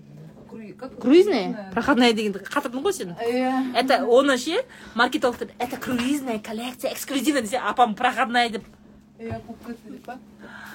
да да да что еще что покажешь А, я уже те- тебе показала, вот у меня шопер там, Валентин остался, мне он на повседневку стоит мой. а все окей келіндер қандай бақытты болады ну смотрите вся моя ювелирка қайда барады мен екі ба- этот екі екі келініме не қылмаса ну, им в наследство так что а, ка- менің келіндерімде уже будут знаешь прикинь если я сейчас собираю этот а, винтажная коллекция сумок винтажная коллекция если 38 39 размер болатын болса мама повезло у меня с- у меня вся обувь у меня 80% это Прада остальные 20 где-то вот Гуччи винтажная обувь а, Когда сен келіндерің баратын кезде уже винтаж болып кетеді ғой уже винтаж болады ғой мен балаларым үйленгенше біздің галереялар да? иә иә иә уже винтаж 19 вот года, мне да. кажется бу- будет классно менің келіндеріме Да. че че еще покажешь Ну, я интересного мог- нет, туфли есть. че за туфли қыздар ема мынау деген Ты чё, мынау это обычные мои туфли, которые... блин я просто сама туфли не ношу для меня это Да? прям огонь Для меня- конечно У меня туфли в основном, они все в коробках. Ну, такие брендовые. слушай вот это да. дай, дай вот эти фиолетовые А қалай это просто. все равно қалай киесің ана мать моя женщина осындай туфли киетін қыздарға жаман қызығам бар ғой ше как сен аяғың шаршамай ма сенің Жоқ, шашамай. Они удобные? қойшы мынау удобный ма Удобные, очень удобные. мама смотри как мило боже мой золушка аяғымның размері қанша Вот же это мой. ема точно золушка кисің ғой Ну, потому что ты же выше меня. ну наверное да Короче, у меня вот фирма Стюарт Вайцман. ну это ты прям каблучница Это не каблук, а что это мюли. а о блин как шикарно Еще со стразами. Видишь, это Сваровский. именно әдемі екен да Ну, Не сефтондай, арабский ворой. да да да да да Арабский мотив сефтон. да да да очень красиво Да, я их храню всегда в этих а, пыльниках. Я тоже стараюсь Да, вот. Потом а, это мои Гуччи туфли. Но я их редко ношу. Да. апам слушай такой цвет классный Черный костюм видно. блин менде на каблуках үш па аяқ киімім бар съемкаға киетін алып а так вообще не А ношу мероприятияларға. менде бәрі танкі ғой танкі Б менің аяқ киімдерім бмв сияқты бәрі А, Вот, я вот такие. А, нет. это у тебя массима Нет, это не Массимо, это короче, жемчужные коробцы, я не знаю, что там было. Это, наверное, там лежит, короче, она, она гардеробта ше, басқа кіреберісте гардеробта. не істеймін осындай туфлиларды коллекционировать етіп үйде киіп жүремін ба бір екі әшейін бір екі рет киістегенге Именно блин поэтому. нет э, я же говорю максимум 40 минут все я потом снимаю Вот, вот такие вот мои любимые джинсы. айбай қыздар жылаңдар ема джимми чу ә, жаңа өлең бар ғой Джимми Чу хочу. джимми чу хочу деп құндыздан қалай киесің шындығыңды айтшы маған тойда жүре берсең осымен билейсің ба Нет, шашамай, да, я шашамай. Ты знаешь, когда люксовые каблуки одеваешь, да? У но тебя ноги даже не устают. ой прям Колодка очень удобная. Серьезно тебе говорю. Очень удобно. Э, қыздар вообще мен мысалы үшін кие алмаймын каблук кие алмаймын мен мойындаймын менің аяқ киімдерім танкі танкі платформа кроссовки что там у тебя в Гуччи Короче, кроссовки у меня вот Гуччи Лонтеры есть. Такие. которые которые Не- не проходные. классика ма Да. Нет, не классика. База Вот емес такие. па? Нет. Ой, әдемі цвет Я их на лет, летом купила на Сизенде. очень классно Бренды. осындай голубой нарядтармен сондай Очень классно. Мне кажется, любой вообще, вообще идеально. Красота. но мне вообще советую такие не носить Неге? Потому Бойың что у ішінде, меня тип груша, мне нельзя носить а, обувь с этим балетки, жесть, А, необъемный каблук, сондай бар ғой. ага. Сен золушка сияқты осындай туфлилар киіп жүрсің иә туфли, потом или там мощный объем, о, аяқ киімдер бар ғой, соларды. қыздар қайсысы ұнап тұр сендерге мне Джимми Чу капец как зашел капец зашел вот это А, стразы подожди. вот это У меня, стразы короче, у Манолы двойник есть. ой Смотри, бай какие И- а у тебя не каблуки это же Это не этот каблуки, это шлепки. сандали бұлар қашан шықты бұлар былтыр шықты ғой Не знаю, они сатиновые, видишь? да да да И да с да этим, со стразами. смотри вот это вот сатин анау сен ана кидің бе өзі кидің ғой Кидым. сатинін не істемей ма мен алуға қорықтым мен аяқ киімді маш- масқара қылып жаман қылып киемін ғой Да, почему? я я убиваю вот бір рет киіп шығамын бітті быт болып шығады Да. я очень плохо ношу обувь очень плохо ну прям у тебя хорошо слушай ты если носила немене ауамен жүресің ба ұшып жүресің ба немене вообще у тебя не портится обувь Что-то я не могу свои туфли найти. прикинь. какие құрсыншы жоғалт не в чемодане было Нет, я их не брала с собой. что за туфли ты ищешь Дольче Габбана. У меня туфли были, короче. Серые, графитовые. Помнишь, я их носила? М-м, не помню цвета конечно огонь базовые цвета в армаде зачем базовые Базовые есть у меня. есть да Графитовые серые туфли. зачем базовые жить надо весело ребята Барс, он, по-моему, это... Ладно, я туда буду затаривать. Базовые есть, вон тут есть вот базовые у тебя. Нет, Нивер, да. темно-серые есть туфли, лодочки. Вот такие шпильки вообще супер Они образ классно вытягивают. Супер. мен каблук кие алмаймын и мне очень жаль конечно бірақ кезінде студент кезімде я не помню как киемін блин вот вот это топ Да. ты это фарфештен алдың осыны иә или үшінен алдың ба Жоп носа бизнесе. Изінен алдың ба как тебе вообще заказ через фарфетч Короче, кроме обуви все можно заказывать. почему Только если ты, я еще Май Тереза заказываю, ага вот, там вообще це- цены дешевле, чем в Farfetch. моя Тереза я да я скачала Но смотрю там не смотрю все думаю, есть, что есть в М. Farfetch. слушай ты заметила сирин вообще не продают Сирен в онлайн. Farfetch только продают. нету Нет? киім жоқ только очки А, есть Только очки? да Я киім что-то сумка не ештеңе искала жоқ даже. И даже, э, видимо, у них такая политика, потому что неде вилетте, вилет сакстың сайты ғой а там есть э, сирен есть киімі шықпай вообще ештеңе шықпайды сирен не найдешь только очки найдешь все Май, там ничего нет, да, одежды?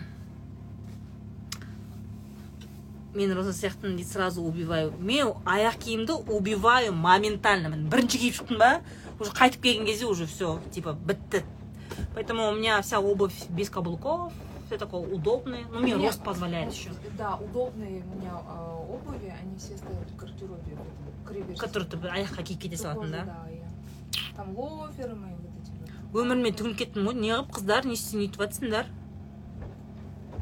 женственная екен қырықта болса да слушайте женственныйлар сексенде де женственный болып отырады вообще не переживайте. Женственное это от возраста же. не да от возраста не зависит.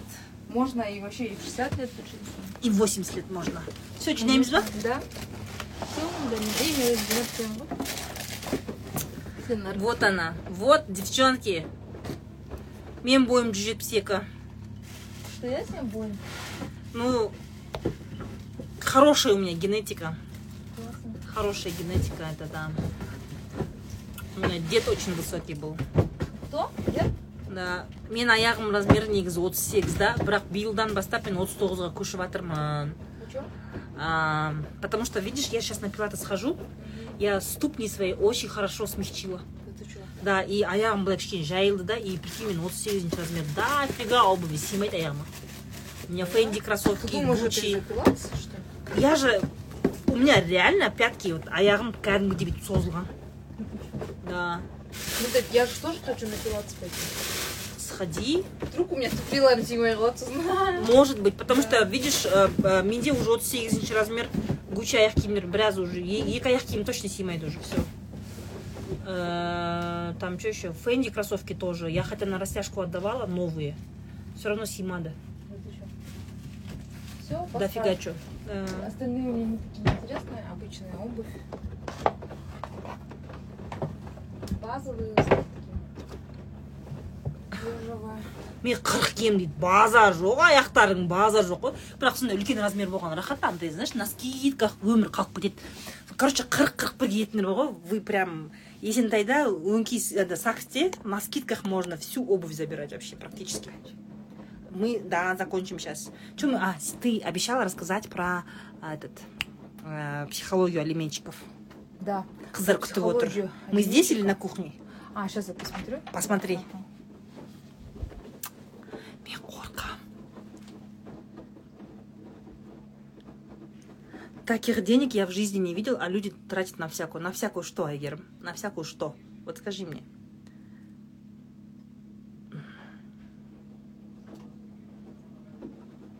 на всякую что ребятки вы что? Әркімнің надо стремиться к лучшему. У меня я всегда мне всегда я никогда не говорила это тряпка керек емес зачем например сағат 12 миллионға 15 миллионға сағат аламын зачем деген сияқты я бедная была я смотрела думаю блин как это круто. Я хотела чтобы у меня были такие украшения такие вещи. Когда я айлығым өзіме жетпейтін кезде никогда наумаппын сендер сияқты ше зачем? На тряпки бір бәле деген сияқты да блядь мне всегда это нравилось. Если вам не нравится вы пожалуйста эфирден шығып кете беріңдер отыз төрт отыз төрт деген размер бар ма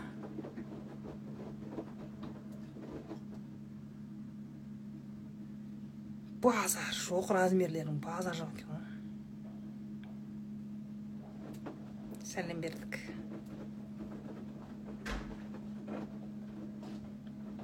жоқ Роза, пойдем про психологию алименщиков поговорим. Да, мы сейчас расскажем про психологию алименщиков и дальше выключим камеру и будем общаться.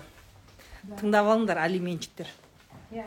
Вот еще которую сумку я обещала же. а давай Это вот шопер. а, мынау шопер иә жаңағы ба- бала шағасы көптер шопер алады деген міне пожалуйста Да, это моя любимая сумка. она Я очень на- классная Я вот этот спортивный вещь, бәрін саламын да. очень красивая жүректі она вот такая огромная замок жоқ та мен осымен прикинь три Осымен дня жүрдің ба? ходила вот не істедің бүйтіп так қолтығың алды. астына не істеп жүрдің да ба представляешь өйстіп жүрдім ғой қара өйстіп сосын өйстіп алып өйстіп аха жүрдім ғой құшақтап жүрдің ба иә құшақтап Базар. жүрдім, өйстіп, прикинь. Ну, путешествие еще бұл қап қара көп киімдерге келмейді ғой Мгм. Таза киім, ну, светлый киімдерге Очень красиво. очень красивая да сумка мне нравится вот этот вот шопер да сумкіне Э, қарай жер үйде тұра ма квартирада квартирада тұрады квартирада квартирада Вообще, Хундузга, подпишитесь, вы можете посмотреть, а, какая она умница, красавица в обычной жизни. Она еще на пианино играет. Даже? да Расскажи про алименщиков, что почем у них там. про алименщиков сен шай ішіп отырсың ба Конечно. Ба? Давай. Вот. А, про алименщиков мен айтайын деген менен сұрайды да бүгін журналист почему очень много алименщиков неге қарызы үлкен знаешь сколько сколько скажу она запрос сделала журналист и определила размер а, долга Всех 13 алименщиков. да по казахстану представляешь А, Қанша? по данным Ми- минюста задолженность по алиментам составляет на сегодня больше 13 миллиардов тенге представляете 13 миллиардов это Это только мужчины? А есть алименщики женщины? Бывает, конечно, да. Алимент төлемейтін әйелдер де бар е қата демен қойыңдар да сөйтіп Вот, э, ну, в основном это мужчины. в основном мужчины да. Я, знаешь, недавно узнала бір қызық, почему вот именно айтады ғой үйлен баласы соныкі иә неге ол алимент төлемейді ақшасы бар бай деп айтады ғой неге төлемейді білесің ба неге потому что еркектер бәрі не могу утверждать что все да но в большинстве у них оказывается природа такая что а, ажырасты ма ана әйел баласын алып кетеді ғой значит ол уже все ол оның баласы емес это он- они уже психологически уже не хотят ол баланы жаңағы көмектесуге а то есть асырауға а, мамасымен тұрып жатыр ғой все ол уже менің балам емес жаңағы оказывается а олар психологически өзінің а, әкелік эмоциясын жоғалтып ала ма сонда иә олар уже ана балаға уже не суып кете ма? суып кетеді потому что не любит э, мать этого ребенка а, оказывается даже комедияда бір прикол бар екен старые дети деген. Мен соны вот хочу найти старые дети. То есть когда мужик разводится да и бірінші брагындағы балалар бар ғой соны ол уже рассматривает как старые дети. То есть мысалы ана ана әйел кетті ғой иә а еркектер көбінесе олар қандай ә, жаңағы мысалы осы осы үйде ол тұрып жатыр ма? Осы үйде тамақ ішіп жатыр ма? Осы үйде жаңағы осы үйдің қожайыны ғой сол үйге ғана ақшасын әкеледі. А ол уже ажырасып кетеді ғой содан кейін уже интерес у него пропадает обеспечивать эту жену обеспечивать этих детей. Поэтому қыздар осындай нәрсе болмас үшін күйеулерің а, бала тәрбиесіне полный қатысу керек. Вы должны прям я не знаю вот балалармен өте жақын болмаса ол кейін в случае чего ол төлемейді. Поэтому во время брака балаларыңызды мысалы көбісі әкелері балаларын қарамайды. Олар қандай класста оқып жатқан неше ана прикол бар ғой ана мысалы неше балаларым бар? Ана бүйтіп тоғыз сегіз дейді анау тоғыз дейді. Сосын мысалы шатастырады атын білмейді туған күнін білмейді иә. иә иә иә аттарын білмейді нешеде екенін білмейді. Это о чем говорит? О том что мужик у него дети рождаются рождаются а ол оған әкелік оның сезімі жоқ. Сезімі жоқ интерес жоқ. да оларда қашан сезім болатынын айтайын ба? Когда если олар кішкентай кезінен ана баланы жатқан кезінде ы, жұбатса Иә, қараса. садикке апарса жаңағы ауырған кезінде Апайлармен сөйлесе. иә. Иә бізде әйелдердің бәрі өздеріне мойындарын іліп алады да бәрін. Ауырып қалса больницаға барады қасынан кетпейді балалардың иә сосын Да, да, да. еркектер байқайсың ба еще жаңағы не деді? ғой кішкентай баласына қызғанады ғой әйелдерін. Сондай да болады ғой помнишь? Да да да да да замечаешь да она перестала на меня обращать да внимание да деп как будто бір как будто бір Иә, басқа иә. еркекте болған сияқты. Иә вот содан басталады. И ә, көбісі еркектерін жолаттырмайды да сосын ә, әйелдер көбінесе балаларын мектебін жаңағы сабағын бәрі өзі бәрін өзі жүгіреді да күйеуіне ештеңке істеткізбейді. Ол тек ақшасын әкеліп берсе жаңағы нетіп берсе болды деп у него нету чувств понимаешь сезім жоқ. А если еркек баласына сезім болса ол өйтіп жібере ма үйтпейді ол да да ол соттасады әйелімен баланы иә мына мен этот в америке подруга моя приезжает. Э, она вышла замуж за американца. Мгм. у него до этого был э, гражданский брак Мгм. и в этом гражданском браке у него родился ребенок. Мгм. сөйтіп ол жаңағыдай ә, екеуі ажырасып кетеді да и әйелі жаңағы ә, бывшаясы айтады сен баланың тәрбиесіне қатыспа дейді. Не надо өзім асыраймын не надо живи свою жизнь деп без обид без ничего сен қатыспа дейді да и не разрешает ему участвовать в жизни ребенка женщина. Сама виновата. Э, и сөйтіп а он подает на нее в суд и через суд выигрывает участие. Мысалы аптасына мынанша сағат мен баламмен сөйлесем басқа қалада болатын болса видеомен сөйлесем егер не болатын болса аптасына мынанша сөйлесем сосын оның содержаниясына мынанша ақша берем деп он судом добился. График общения. Да Это судом. всё через суд да әйел айтады да нет нет нет керек емес ә, мен өзім қараймын саған обидам жоқ қой кете бер деген кезде нет я буду ты должна ты мен әкемін деп сондай жауапкершілік алып соттасып әйел мен баласының тәрбиесіне қатысу үшін соттасты. Дұрыс иә сондай. У нас есть сондай сот бар арыз бар а, установление графика общения деген бар. Вот. Біздің әйелдер көбінесе өздері а, жаңағы виноваты. Қалай екенін айтайын ба олар әл- алимент төлемей жатыр ойбай сенің әкең сондай албасты жаңағы не жаңағы бесчувственный жадный деп сөйтіп жылайды да өздері иә? А өздері балаларын әкесіне көрсеткісі келмейді. М, никакого общения. Конечно если он не видит этого ребенка да ол еркек ол қиналып тоғыз ай ол баланы туған жоқ. Иә. иә. Ол баланы ол ә, екі жасқа дейін там бір жасқа дейін емізген жоқ. Иә. Иә ол ауырғанда оның қасында болған жоқ. Конечно оның әкелік ешқандай сезімі несі жоқ. То есть он Согласна. ничего не вкладывал поэтому он не хочет его содержать в будущем. Бұл жерде смотри менталитет деген мәселе емес бұл жерде қара она пишет у них менталитет на западе другая они понимают ответственность которую несут за детей. Ол жерде мәселе мынандай там не то что ответственность там есть такой момент. Допустим оның жаңағы бывшаясы бір күні айтты ғой мысалы кетті да мысалы все ничего не надо қарамай ақ қой балаға өзім асыраймын дейді да. Прикинь бір он жылдан кейін не знаю басына күн түсе ма бірдеңе психанет она может подать на него в суд. Да. Осынша уақыттан бері баланы іздемеді төлемеді енді төле деген кезде там с такими процентами набежит. И видишь закон обязывает мужика быть ответственным поэтому мужик ответственный. Бізде ондай заң жоқ қой нет у нас э, согласно закону оба обязаны содержать детей.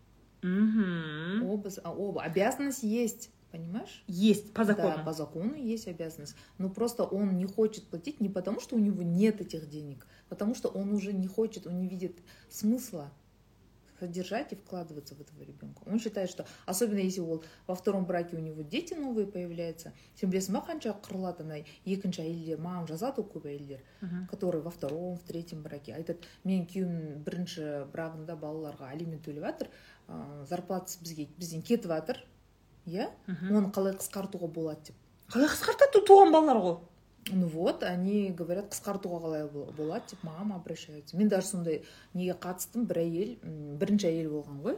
Аха. Сосын екінші әйел алып кетпей ма күйеуі ажырасқаннан кейін? Аха. И ана жақта оның бір қызы бар и ана жағында бір қызы бар да екінші брагында и ол ана әйелімен жаңағы разводтаспай ажыраспай у ме- у меня говорит со второго брака родилась дочка тоже и заң бойынша ананың алиментін бірінші баланың алиментін қысқарт, қысқартуға арыз береді сотқа поняла да? Смотри он и, например ты моя первая жена. Да. У нас есть доча. Да. Я с тобой официально не развожусь. Нет ты со мной развелась да. и и вышла, ну, допустим, женил, женилась там да. на второй Я женщине, женился да. на И другой там женщине. тоже, да, на Да. другой. И там тоже у тебя дочка родилась. так. И жена, и ты теперь, ты же со мной развелась же, да. и тебе уже вообще пофиг, да? Да, пофиг на твоего ребенка вообще, да, это твой ребенок. уже старый Да, да, да. ребенок, короче. да да это Да, старый И ты не ребенок. хочешь, а ты платишь по закону сколько? У нас 25% же. Мгм. Если один ребенок, у нас алименты 25%. А у тебя же там вторая дочка родилась? да Да, а, она, а если складывать двоих детей, это 50 это будет 33%. У нас на А. двоих детей 33%. Но если они одновременно, вот, мысалы, мы бы с тобой развелись бы, у нас было бы двое детей. Ага. Ты бы имела, пр- я бы имела право, допустим, На 33%. 33, а. Да. А если у нас один ребенок, 25%. А на 25% болып алып алған ғой менің, М. менің, менің а, клиенткам а потом екінші рет үйленбейсің ба иә сол екінші әйел айтады жаңағы біздің де баламыз бар ғой почему он 25 платит он же должен 17 платить процентов түсіндің ба да ты чё потому что у него же второй ребенок там родился Ага. для этого она подает на алименты на своего мужа будучи в браке и он потом подает ко мне да говорит вот ты то есть типа, ты сен будучи в браке можешь подать на своего мужа на алименты можно да не обязательно разводиться ойбай не не естіп жатырмық біз мына жерде не дейді сонда подожди а, будучи в браке я могу по- ажыраспай Алиментке беруге если болады. бірінші бірінші бракта баласы болса если Да. все деньги забирает? Даже бірге тұрып жатырып иә мысалы иә алиментке беруге болады. Потому что сот ешқашан сен бірге тұрып ба тұрып жатқан жоқсың ба оны тексермейді. Можно просто келіп мен осы кісіден балам бар осындай вот свидетельство и алуға болады алиментті. Не дейді маған да солай қысқартып алған аз төлейді. Безработный справка жасатып алған дейді безработный болса ол наоборот алиментті көп төлеу керек потому что а, безработныйлардың а, мысалы безработный деп алимент төлемеген ол дұрыс емес қой поэтому заң бойынша.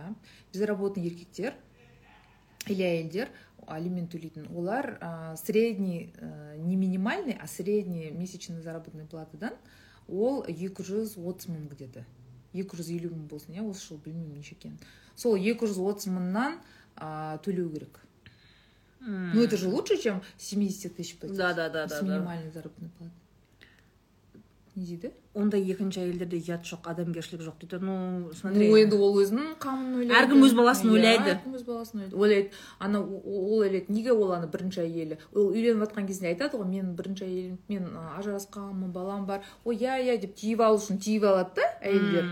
Сосын уже бала туғаннан кейін уже им не нравится Да. понимаешь? Что у него там деньги уходят ничего страшного мен сен сені де жақсы көремін сенің балаларыңды да өзімдей көремін деп өтірік Иә. құлақтан гүл өсіріп үйленіп алады да сосын ә, Тек- тиіп тек- алады байға. тек байға тию арманы болып тұрған кезінде бәріне келісін енемен де тұруға иә? Головкалармен тұруға Да, бәрі да. келісіп алады да. Үйленгеннен кейін бір айдан кейін ойбай енем сондай деп шығасың. У меня муж говорит вообще не помогает с ребенком хоть мы женаты говорит я могу подать на алименты дейді как не помогает? Ақша бермей ма? Ақша бермей ма? Сосын а, онда қандай ақшаға тұрып жатыр ол? Соны айтамын зарплатасын беретін шығар тамақ алатын шығар. Қызық можно на алименты подать Ага. если вы вместе не проживаете даже если не развелись не дейді абысын қайнағамнан алимент алып жүр бес балалары бар официально бірақ А, если муж в тюрьме, как будет платить? Сіздер білесіздер ма, что түр- даже тюремщиктер, которые түрмеге қамалып кеткен, олар да алимент төлеу керек. Олар ол жақта жұмыс жасайды ғой, олар где-то бір МРП ма сондай төлейді. Үш жарым мың теңге.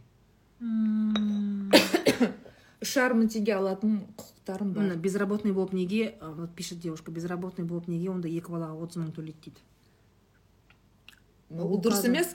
Безработный болса онда ә, жаңа сот орындаушыға барып көрсетсін. Айтыңыз сіз 240 мыңнан ба? Содан ә, есептеу керексіз екі балаға. 33 процент ол сонда қанша? 24 мың 24 мың 60 а, 48 мың. Мгм. 48 мың төлеу керек ол. А 48 емес. Жоқ 60 ә, 240 81 мың теңге ма 82 мың теңге ма отыз проценті болса подожди. 33 процент. отыз үш процент. Это одна треть же? Мхм это екі жүз 240 қырық двести сороктан жиырма төрт мың он процент. Иә жиырма төрт жиырма төрт жиырма блять считать не умею. Почти сексен мың ғой короче. Иә сексен бірдеңке мың иә да почти сексен мың. Сексен екі мың. Дейді? До до скольки лет платят алименты? Вообще да. алиментті 18 жасқа дейін өтеп алуға болады бірақ та бала. 18 жастан кейін ә, жұмыс істемейді ғой сразу. Ол деген оқуға түседі. Иә если очно оқуға түссе колледж немесе там вуз да университетке онда ол уже ба, сіз емес бала уже 18-ге толды ғой. Он имеет право алиментке беруге. 21 жасқа дейін. Ну вот это вот қыздар жаңа айтып жатыр ғой да егер ә, ер адам бала тәрбиесіне қатыспаса түнде тұрып балаға қарамаса смес бермесе бауырына баспаса ол баланы вот жаңағыдай ғой не атын жаңағы мұғалімінің атын білмейді классын білмейді. Ты знаешь на самом деле у меня такая проблема. Он сен ну сен күйеуің балаларды қарайды ғой у меня проблема в том что мен білмеймін. Серьезно? Да. Мен сабыржан бесінші ме алтыншы класс па еді Потому что ты женщина. У нас это э, вшито природой, понимаешь? біздің программное обеспечение бар бізде мы э, детей даже если сен мысалы ажырасқан кезінде балалардың күйеуін алып кетсе де сен түбінде оларға өліп тұрасың. Подожди я тебе наоборот говорю. Я не помню какой класс у детей. нет ты не помнишь это не означает что ты не любишь и не будешь о них заботиться. А. мы же это с какой целью говорим? Чтобы ертең еркектер ответственный А, да. болсын төлесін сіздер ой төле төле деп оны жаңағы нетпей через сот Да. арқылы а чтобы он самостоятельно самостоятельно да. в менде андай клиенттер бар которые ажырасқан кезде енді бай адамдар ғой иә олар мысалы балаларына жаңағы дейді соглашениеға отырады да об, об уплате алиментов. Айтады мен әр балама мың доллардан беремін дейді ғой прикинь сондайлар да бар потому что жаңағыдай помимо этого он говорит мен кружоктарын төлеймін мектеп частный мектебін төлеймін ежегодный отдыхын төлеймін там а, если ауырып қалса ауырған там расходтарын төлеймін Да, на лечение всё. да. Еще плюс карманные деньги мың доллар да. Нормально, вот мужики вот такие должны быть, я считаю. Хочешь разводиться, вот так разводись, нормально разводись. Но ам, действительно, да, вот жаңа айтатын мой әйелдер ә, пожалуйста участвовать на баланың өміріне ә, әке араласу керек араластырмаймын өзім деген мәселе жоқ мы всегда ам, делили бірақ қазір менде ұлдар өсіп қалғаннан кейін они полностью папасымен потому что когда они были помельче да. Да когда были маленькие біз елу де елу бөлетін едік да например ә, жаңағыдай жиналыстарына неге бө- бөлісіп баратын едік? Тогда я знала апайларымның атын білетінмін ә, жаңағыдай ә, стоматологтардың стоматологияның адресін білетінмін. Ол кезде ше? Сейчас я не знаю они сами это все делают. Папасы өзі жаңағы врачтарын алып барады бәрін өзі жасайды. И они участвуют потому что они уже взрослые пацаны. Ну да. И разговоры про половое воспитание тоже э, басында когда был возраст там 7-8 у старшего жаңағыдай мама откуда берутся дети деген мәселеде папа откуда берутся дети деген мәселеде мы с мужем сидели объясняли. Мгм. сейчас они только с мужем разговаривают. Ну, потому что они мальчики. это да уже мальчики уже взрослые. Ну, ты тоже тогда с ними общайся. да. Общайся. Е- да. Если вдруг муж на меня подаст э, этот, на развод то дети уйдут с ним Да? да А сен білесің ба, что балалар 10 жасқа толған болса, их мнение учитывается только я знаю при определении места да да жительства. да я думаю что они его выберут Да, если они, скажут, если они скажут, да нет, ты так не думай. Сейчас мальчики, знаешь, они же этот, они просто не показывают тебе, М.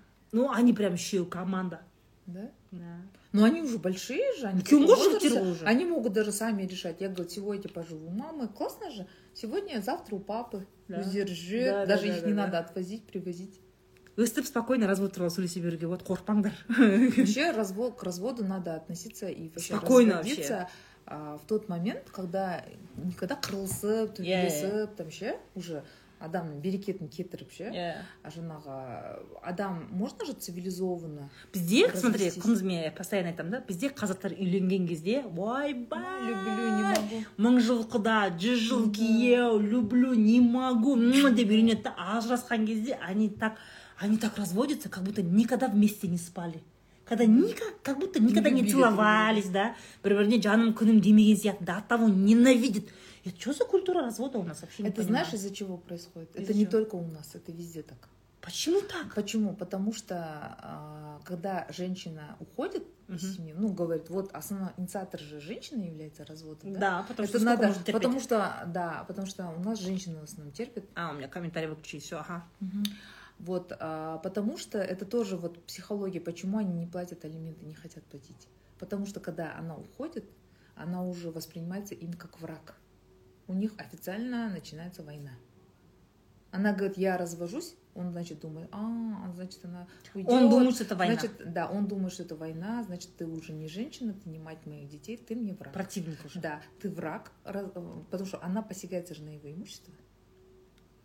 Как? Это же, Да. это же совместное Да. имущество. А когда она уже и э, заявила о своих правах, что я буду делить этот дом, я буду делить э, твой депозит, я буду претендовать на твой бизнес, я На буду твою на- машину. на твою машину, и он начинает думать, а, она значит хочет меня Обокрасть. этот обокрасть. И Хотя это общее. Да, это, Кундуз хотя это общее. Это общее по закону, но он не понимает это, понимаешь своим? Он, может быть, сознательно это понимает, но он, у него внутренняя природа бушует, понимаешь? Он не хочет этого понимать.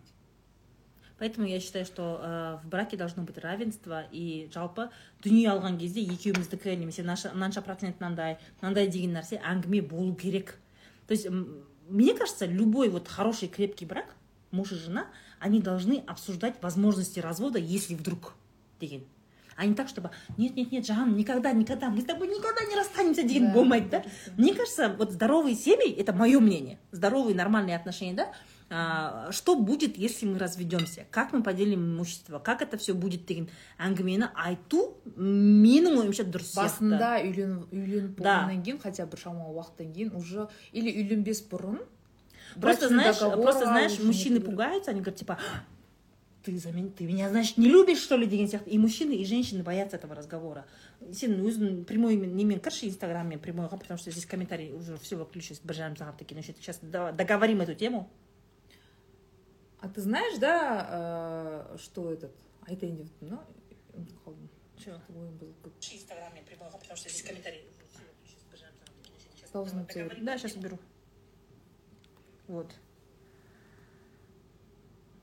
Так. Вот, развод туралы әңгімелесу это нормально. Вот я действительно, қыздар жігіттер осы жерде не бойтесь говорить в случае развода қалай болады деген нәрсе ше. Потому что өмірде любой нәрсе болады. От того, что ты вот сидишь, никогда мы с тобой не расстанемся, никогда. Мы всю жизнь бірге туылып, бірге өлеміз деген нәрсе жоқ та, разное может быть. Обсудить, например, смерть можно, да, если вдруг менімен бірдеңе болатын болса, сен не істейсің? Я вдруг саған бір нәрсе болатын болса, сен не істейсің деген сияқты әңгімені, мне кажется, сөйлесу керек, и мы разговариваем. Ну, реально Кстати, я же пост написала же, почему нельзя доверять супругу деген. Ага. Да? Смысл этого поста был в том, что а, почему люди э, не хотят договариваться и заключать брачный договор. Знаешь почему? Почему? А, потому что вообще брачный договор, он же выгоден тому, кто больше зарабатывает. Да. Ну, сама посуди, если там дописано, будет указано, что тот супруг, который э, купил это Мгм. имущество, Мгм. он и будет его единоличным хозяином. Ну, это же справедливо, Ну да. да? Но это, а вторая сторона, она не будет соглашаться, да? Типа на мен эти үлесім бар условия, деп, да. иә? И знаешь, почему не будет? сог- Для этого нужно и предусмотреть в брачном договоре, что да, мен алған заттың бәрі менікі болады деп айтады, иә, күйеуі Мгм. или әйелі, в зависимости от того, кто из них там больше, да, приносит деньги. Мгм.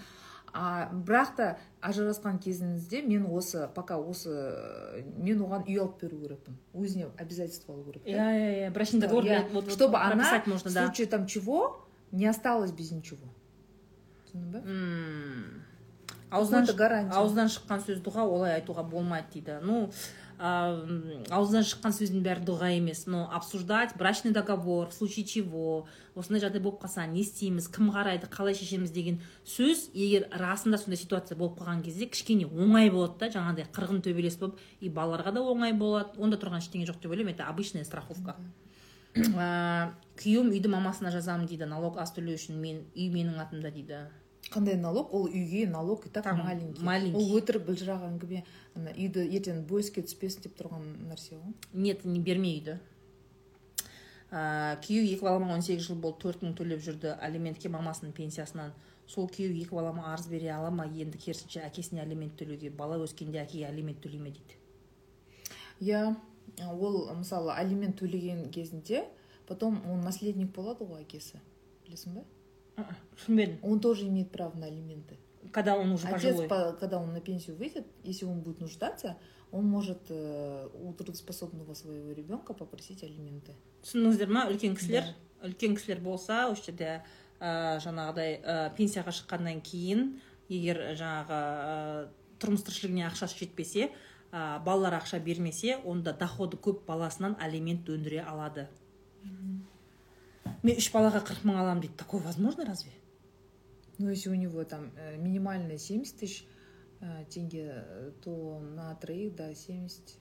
35 тысяч қой жартысы. иә иә А, мен айтайын дегенім, қандай э, зарплатасы болса да, жаңағы, қанша бала тусаңыз да, иә, а, сіз только зарплатадан 50% қана ұстай алады ғой. А, заң бойынша. Ең даже алты баламен ажырасам да елу да, процент да. Ну бір балаға 25 процент екі балаға 33 процент үш балаға Елу. елу процент И ары қарай төрт, и, бес, алты бәрі. да төрт бес алты жеті он он бес болса да елу проценттен аспайды. Әйелдер де алимент төлейтін жағдайлар болады да? Болады конечно. Әйелі кетіп қалса балаларын тастап. Мен күйеуіме өлім туралы сөйлессем біреуге өлім тілегенше өзіңе өмір тіле деп ол сен тілеп жатқан жоқсың ғой вы обсуждаете риски. Неге ол өйтіп айтатынын айтайын ба? Ол а, ол жаңа мен айтқан не это это манипуляция такая специально он уходит от, От этого разговора. разговора дележки имущества там А, Нелли пишет, просто нужно самим зарабатывать и не надеяться на кого-то. А, вообще, а, мен сол үшін айтамын да әйелдерге ше қатты сүйсең де қатты байыңды жақсы көрсең де если у вас махаббат мәңгілік болса да женщина должна зарабатывать.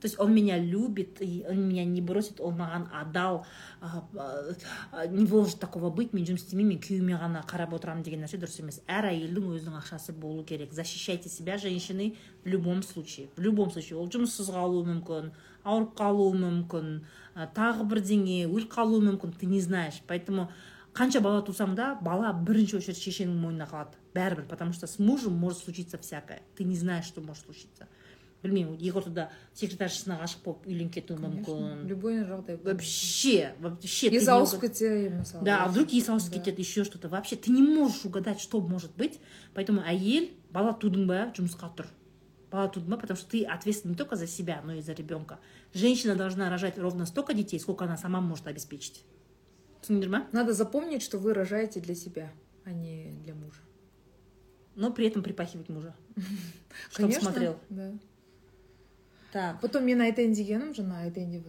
ну ұмытып қалдым пишет может ли бывший муж требовать куда тратятся алименты что Тра- куда тратятся алименты деп сұрауға бола ма да дейді. он имеет право отчет М, имеет оказывается қыздар біліңдер осы еркектер түсінбеймін кейбіреулер ше он жеті мың төлейді да жиырма мың Қақы теңге төлейді да құрттың қақы құрттың дейді да. Куда- ол балаға ше, бір кафеге барғанына жетпейді ғой сол он жеті мың вообще дымға жетпейді ғой да бір күні мен баламмен неге бардым да больницадан шықтық та екеуміз неге а, кафеге отырдық обычная кофейня М. городская и мы купили всего лишь там по одному блюду и бір напиток и знаешь какой счет вышел 18 тысяч тенге это еще такой по-божески да? да да да и мен айтамын да как это на алименты 15 тысяч тенге можно вообще прожить Невозможно. Невозможно.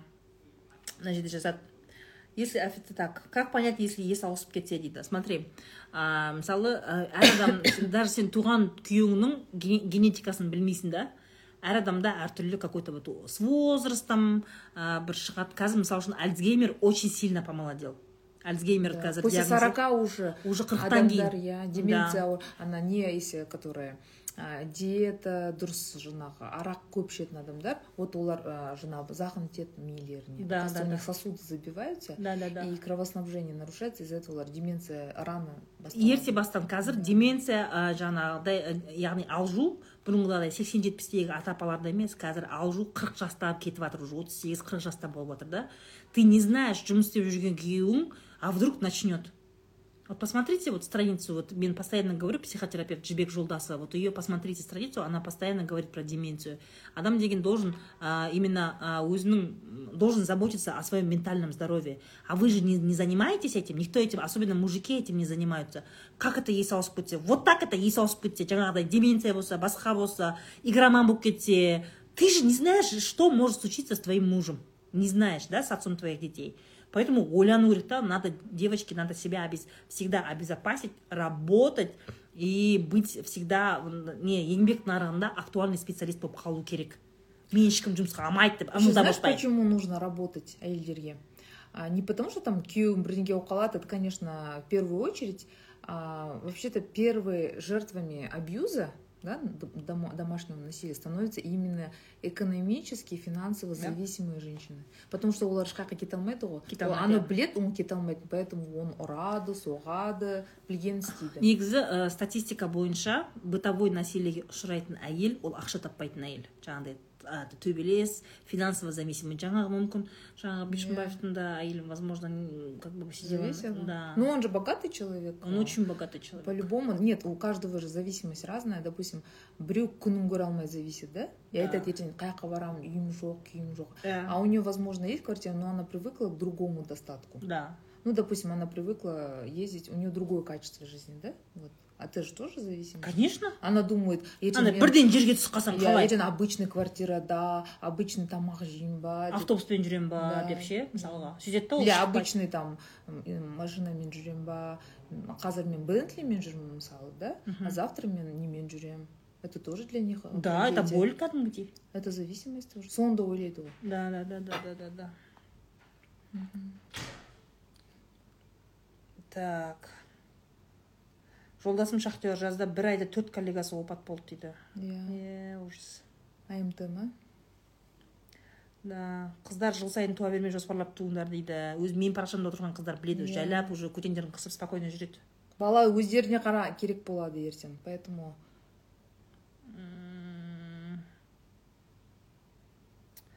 Так.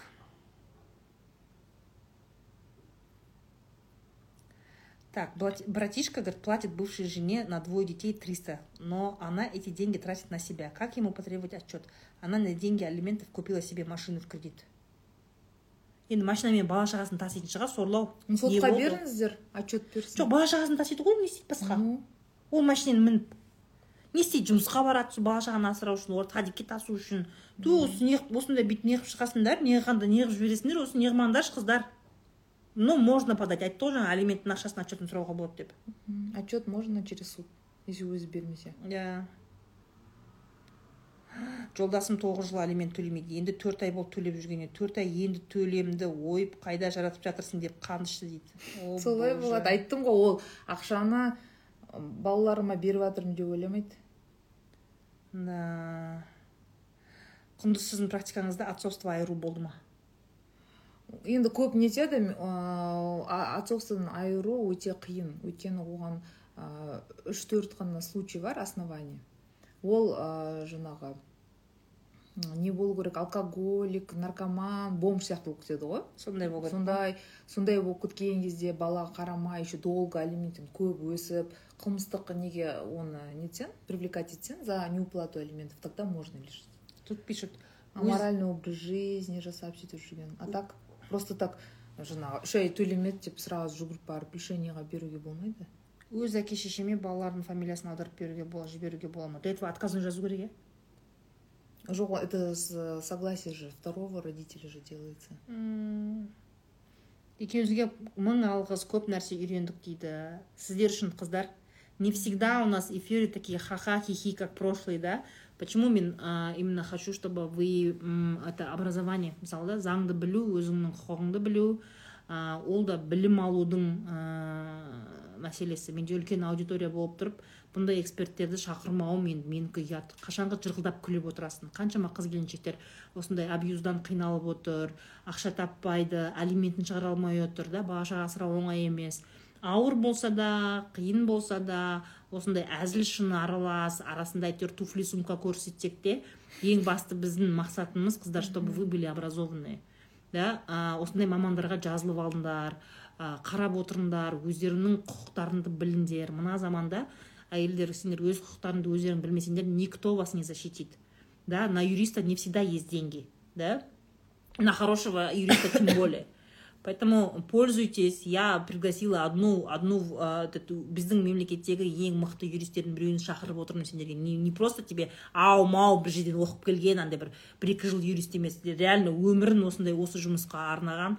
Өте соответственно мен өзім ә, несін білгендіктен өзім осының қызметін плюсын көргендіктен ә, профессионализм көргеннен кейін шақырып отырмын. Имейте в виду я эфир сохраню қыздар сохраню. Пересматривайте еще много-много раз. Құндызға жазылыңдар құндызды қазір я отмечу постта бәрінде отмечу. А, и в целом образовывайтесь. Жаңағыдай я вам еще раз говорю мысалға кешегі сол бишімбаевтың әйелі ә, салтанат ее зовут по моему марқұм. Вы думаете, когда она ездила на эти путешествия, жила себе припеваючи, мой муж деген инстаграмдар салған кезде, вы думаете, она м, ожидала, что ее муж убьет? Никто этого не ожидает. анда санда ұрысқанға анда санда ішкенге ол мені өлтіріп қоймайды деп ойлаймын никто не ожидает. А что баян есентаева она ожидала что муж ее вот так вот почти что убьет зарежет да. Да. Она ожидала этого? Она этого не ожидала никогда. Ешкім күтпейді ешкім міне қазір ойбай ә, қазір сөйтейін деп жатыр екен деп ешкім бұндай ситуацияға дайын емес. Тура сол сияқты асыраушыңнан жалғыз асыраушыңнан айырылып қалуың немесе асыраушыңның жұмыссыз қалуы ешкім саған гарантия бермейді.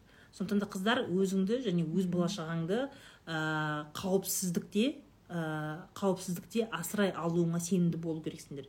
Білім алыңдар көздеріңді ашыңдар оқыңдар ақша табыңдар. Это очень важно. Өзің үшін болмаса да балаларың үшін. Үйде отыра бермей менің о жаңағы отағасы асырайды мырзам асырайды деген сияқты. Сенің мырзаң ертең басқа қатын алатын болса кетеді. Еще екінші қатын будет отсуживать қазақ байысай қатын алады. Қазан да. Да екінші әйелді алады да сосын екінші әйелі бала туады да сосын сол алып отырған алиментті азайтады. Не істейсің сол кезде? Не істейсің что ты сделаешь? Никакой гарантии нету. Ертеңгі күнге. Сондықтан да ә, ертеңгі күнге гарантия нет. Мы конечно да на бога надейся а сам не плашай дейді да орыстар ше яғни әрине жақсылықтан ниет етесің жақсы нәрсе ойлайсың ғой. Бірақ әрекетің бәрібір сақтық болу керек. Сақтансаң сақтаймын дейді да. Сен сақтану үшін сен білімді болу керексің сен өзіңде подушка безопасности болу керек ақша болу керек жұмыс істей алу керексің тупить етіп маугли болып отыра бермей неде декретте. Не үшін жинап отырмын осы елдің бәрін осынша зачем я этих всех подписчиков собираю зачем я эфиры делаю зачем я рилсы делаю чтобы вы не тупели? Ёпта өз ұрыспасаң бар ғой бұлар қарамайды бар ғой иә қазір уже сенің подписчицаларың бәрі көбісі нетіп жатыр я знаю уже правовая грамотность у них растет да. Они уже знают прежде чем там согласиться на какую-то там сделку. А, жаңағы енесінің атына жазуға сондайға уже уже да. біледі болмайтынын уже менің қыздарым уже біледі жаңағыдай ә, ә, андай, ә, жаңағыдай по соглашению и- имамский дұғамен жаңағыдай аумин қағазбен үйлене беру деген дұрыс емес екенін түсінеді. Ойланып туу дегенді біледі. Уже потихоньку образовываются молодцы образовывайтесь отыра бермей маугли болып тағы бір үй ал если хочешь третьего деп айттым байға правильно качайте свои права гоняйте своих мужиков пусть работают а то мне а то мне А, пишут иә. а, а то мне пишут этот не күйеуімді қалай жұмысқа мотивация жасасам это көтіне бір тиіп как это жұмысқа мотивация в смысле в смысле жұмысқа мотивация я этого не понимаю он обязан работать мужик не должен дома сидеть вообще никогда бізде мысалы давайте я вам своим секретом да поделюсь Ам, Бізде соглашение когда мы поженились мы согласились что мы оба будем работать копить деньги үйге бәріне ше и а, вдруг если жұмыссыз қалатындай болсақ никто не сидит больше трех месяцев. Декрет как положено екі жыл деп келіскенбіз ғой да декретте мен екі жыл деп келістік но я сама пораньше замуж этот вот на работу вышла да. Но у нас такое соглашение. Екеумізде әртүрлі жағдай болуы мүмкін жұмыстан шығып қалған жағдайда ешкім үш айдан көп үйде отырмайды. Ищите работу и выходите деп и мы придерживаемся даже все сен болсаң да да? Да даже мен болсам да. Дұрыс даже мен болсам да. Он тоже может потребовать слушай міне балалар садикте міне мен ақша әкеліп жатырмын ты что дома сидишь? Мы же договорились что мы вместе будем работать. Все не больше трех месяцев. И он тоже. Чтобы салыстырып ананы блин пиздуй на работу. Правильно. Мен вообще өзім потому что это ответственность это семья. Он тоғыз жыл бойы у меня стаж вообще жұмыс жұмыс істейтін стажым он тоғыз жыл болды. И э, семья құрған стажым тоже он тоғыз жыл. Мен институт бітіргеннен кейін сразу күйеуге шығып кеттім ғой. Вот. Иә и екі бала тудым ғой. Сол екі баланың декретінде мен в общей сложности екі ақ жыл отырдым. Мгм. Екі жылда там бес ай ма сондай? Мне тоже? Екеуімен Да. общей сложности мен екі Да, екі ақ жыл отырмын. Да мен бірінші баламды сегіз айлығында шығып кеттім. Ну вот когда вы поженились вы студенты были? Мы только закончили да я да и екеуіңде де имущество болған жоқ. Тіпті болған жоқ. Біз бір вот. бір сумкамен үйлендік андай не бар ғой чемодан бар ғой бір чемодан. Иә. Бір чемодан киіммен бір ана китайский сумка киім бар ғой. Сонымен үйлендік. Вот бір екі пожалуйста. үш киіміміз бар болды. Съемный квартирада бір бөлмелі сода тұрдық. Вот. Енді қараңдар өздерің көріңдер сумочкаларын құндыздың сумочкаларын туфлиларын көріңдер. В хорошем ну, реально красивая квартира да жүз жиырма квадрат. Ну блин еңбектенсең болады да жетуге ше? Басыңды істетсең кішкене бар ғой. Кішкене и екі жақтап еш жақ болып ақша табатын болсақ жетуге болады.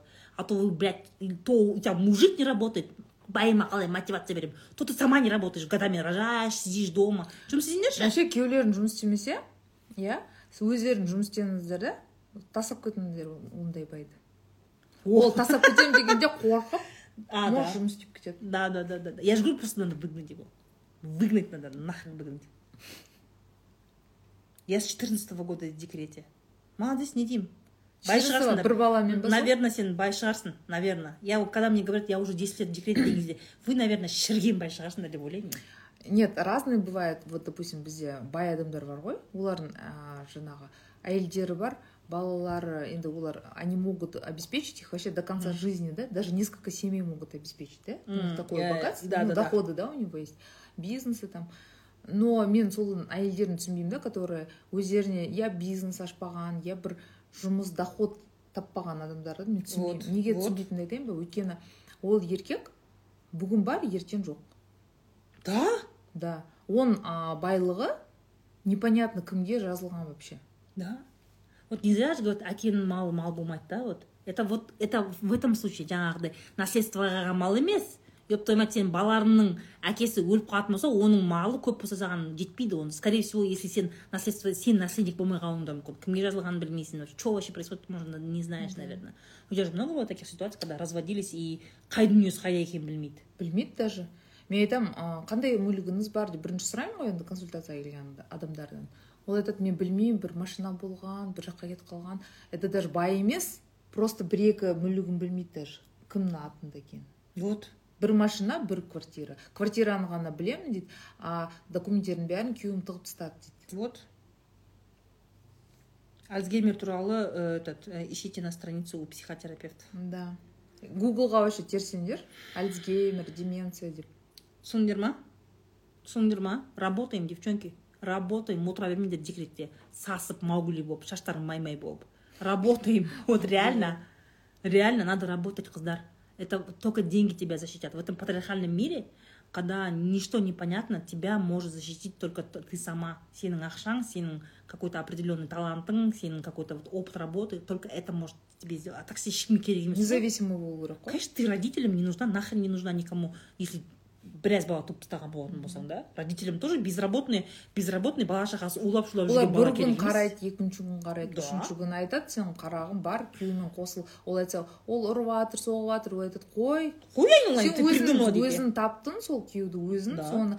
Ол әңгіме қашан басталатынын айтайын ба М. өзің таптың потом мне не жалуйся деген типа я потом тебе не буду помогать деген сөз ғой балалармен келме деген сөз ғой вот да да. да потому что олардың да ке- келіндері бар мысалы иә зачем им қайтып келген там балалармен лишний род да для них? Ну если так посмотреть я понимаю их. Да.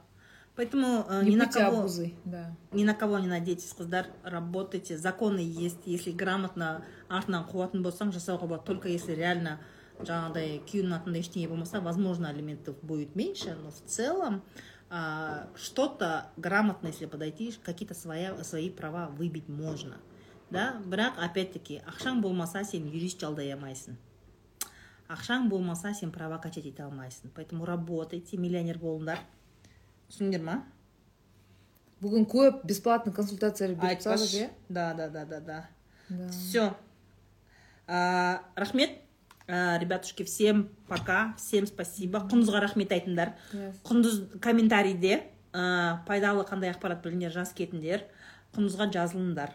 Хорошо? И обязательно скажите спасибо за все за все твои а, бесценные консультации потому что обычно конечно это все стоит денег. Конечно это все труд это все знание опыт. Да. Мен өзім парақшамда да тоже бесплатно көп э, консультациялар стористерімде беріп отырамын рилс жазамын Поэтому вот э, в комментариях пишите спасибо Хундузга. Мне тоже спасибо за то, что я такая умная. Да, тебе и спасибо всё, что да. ты просвещаешься Да, да, да, да, да. Все, всем пока. Карлтон. Мгм, пока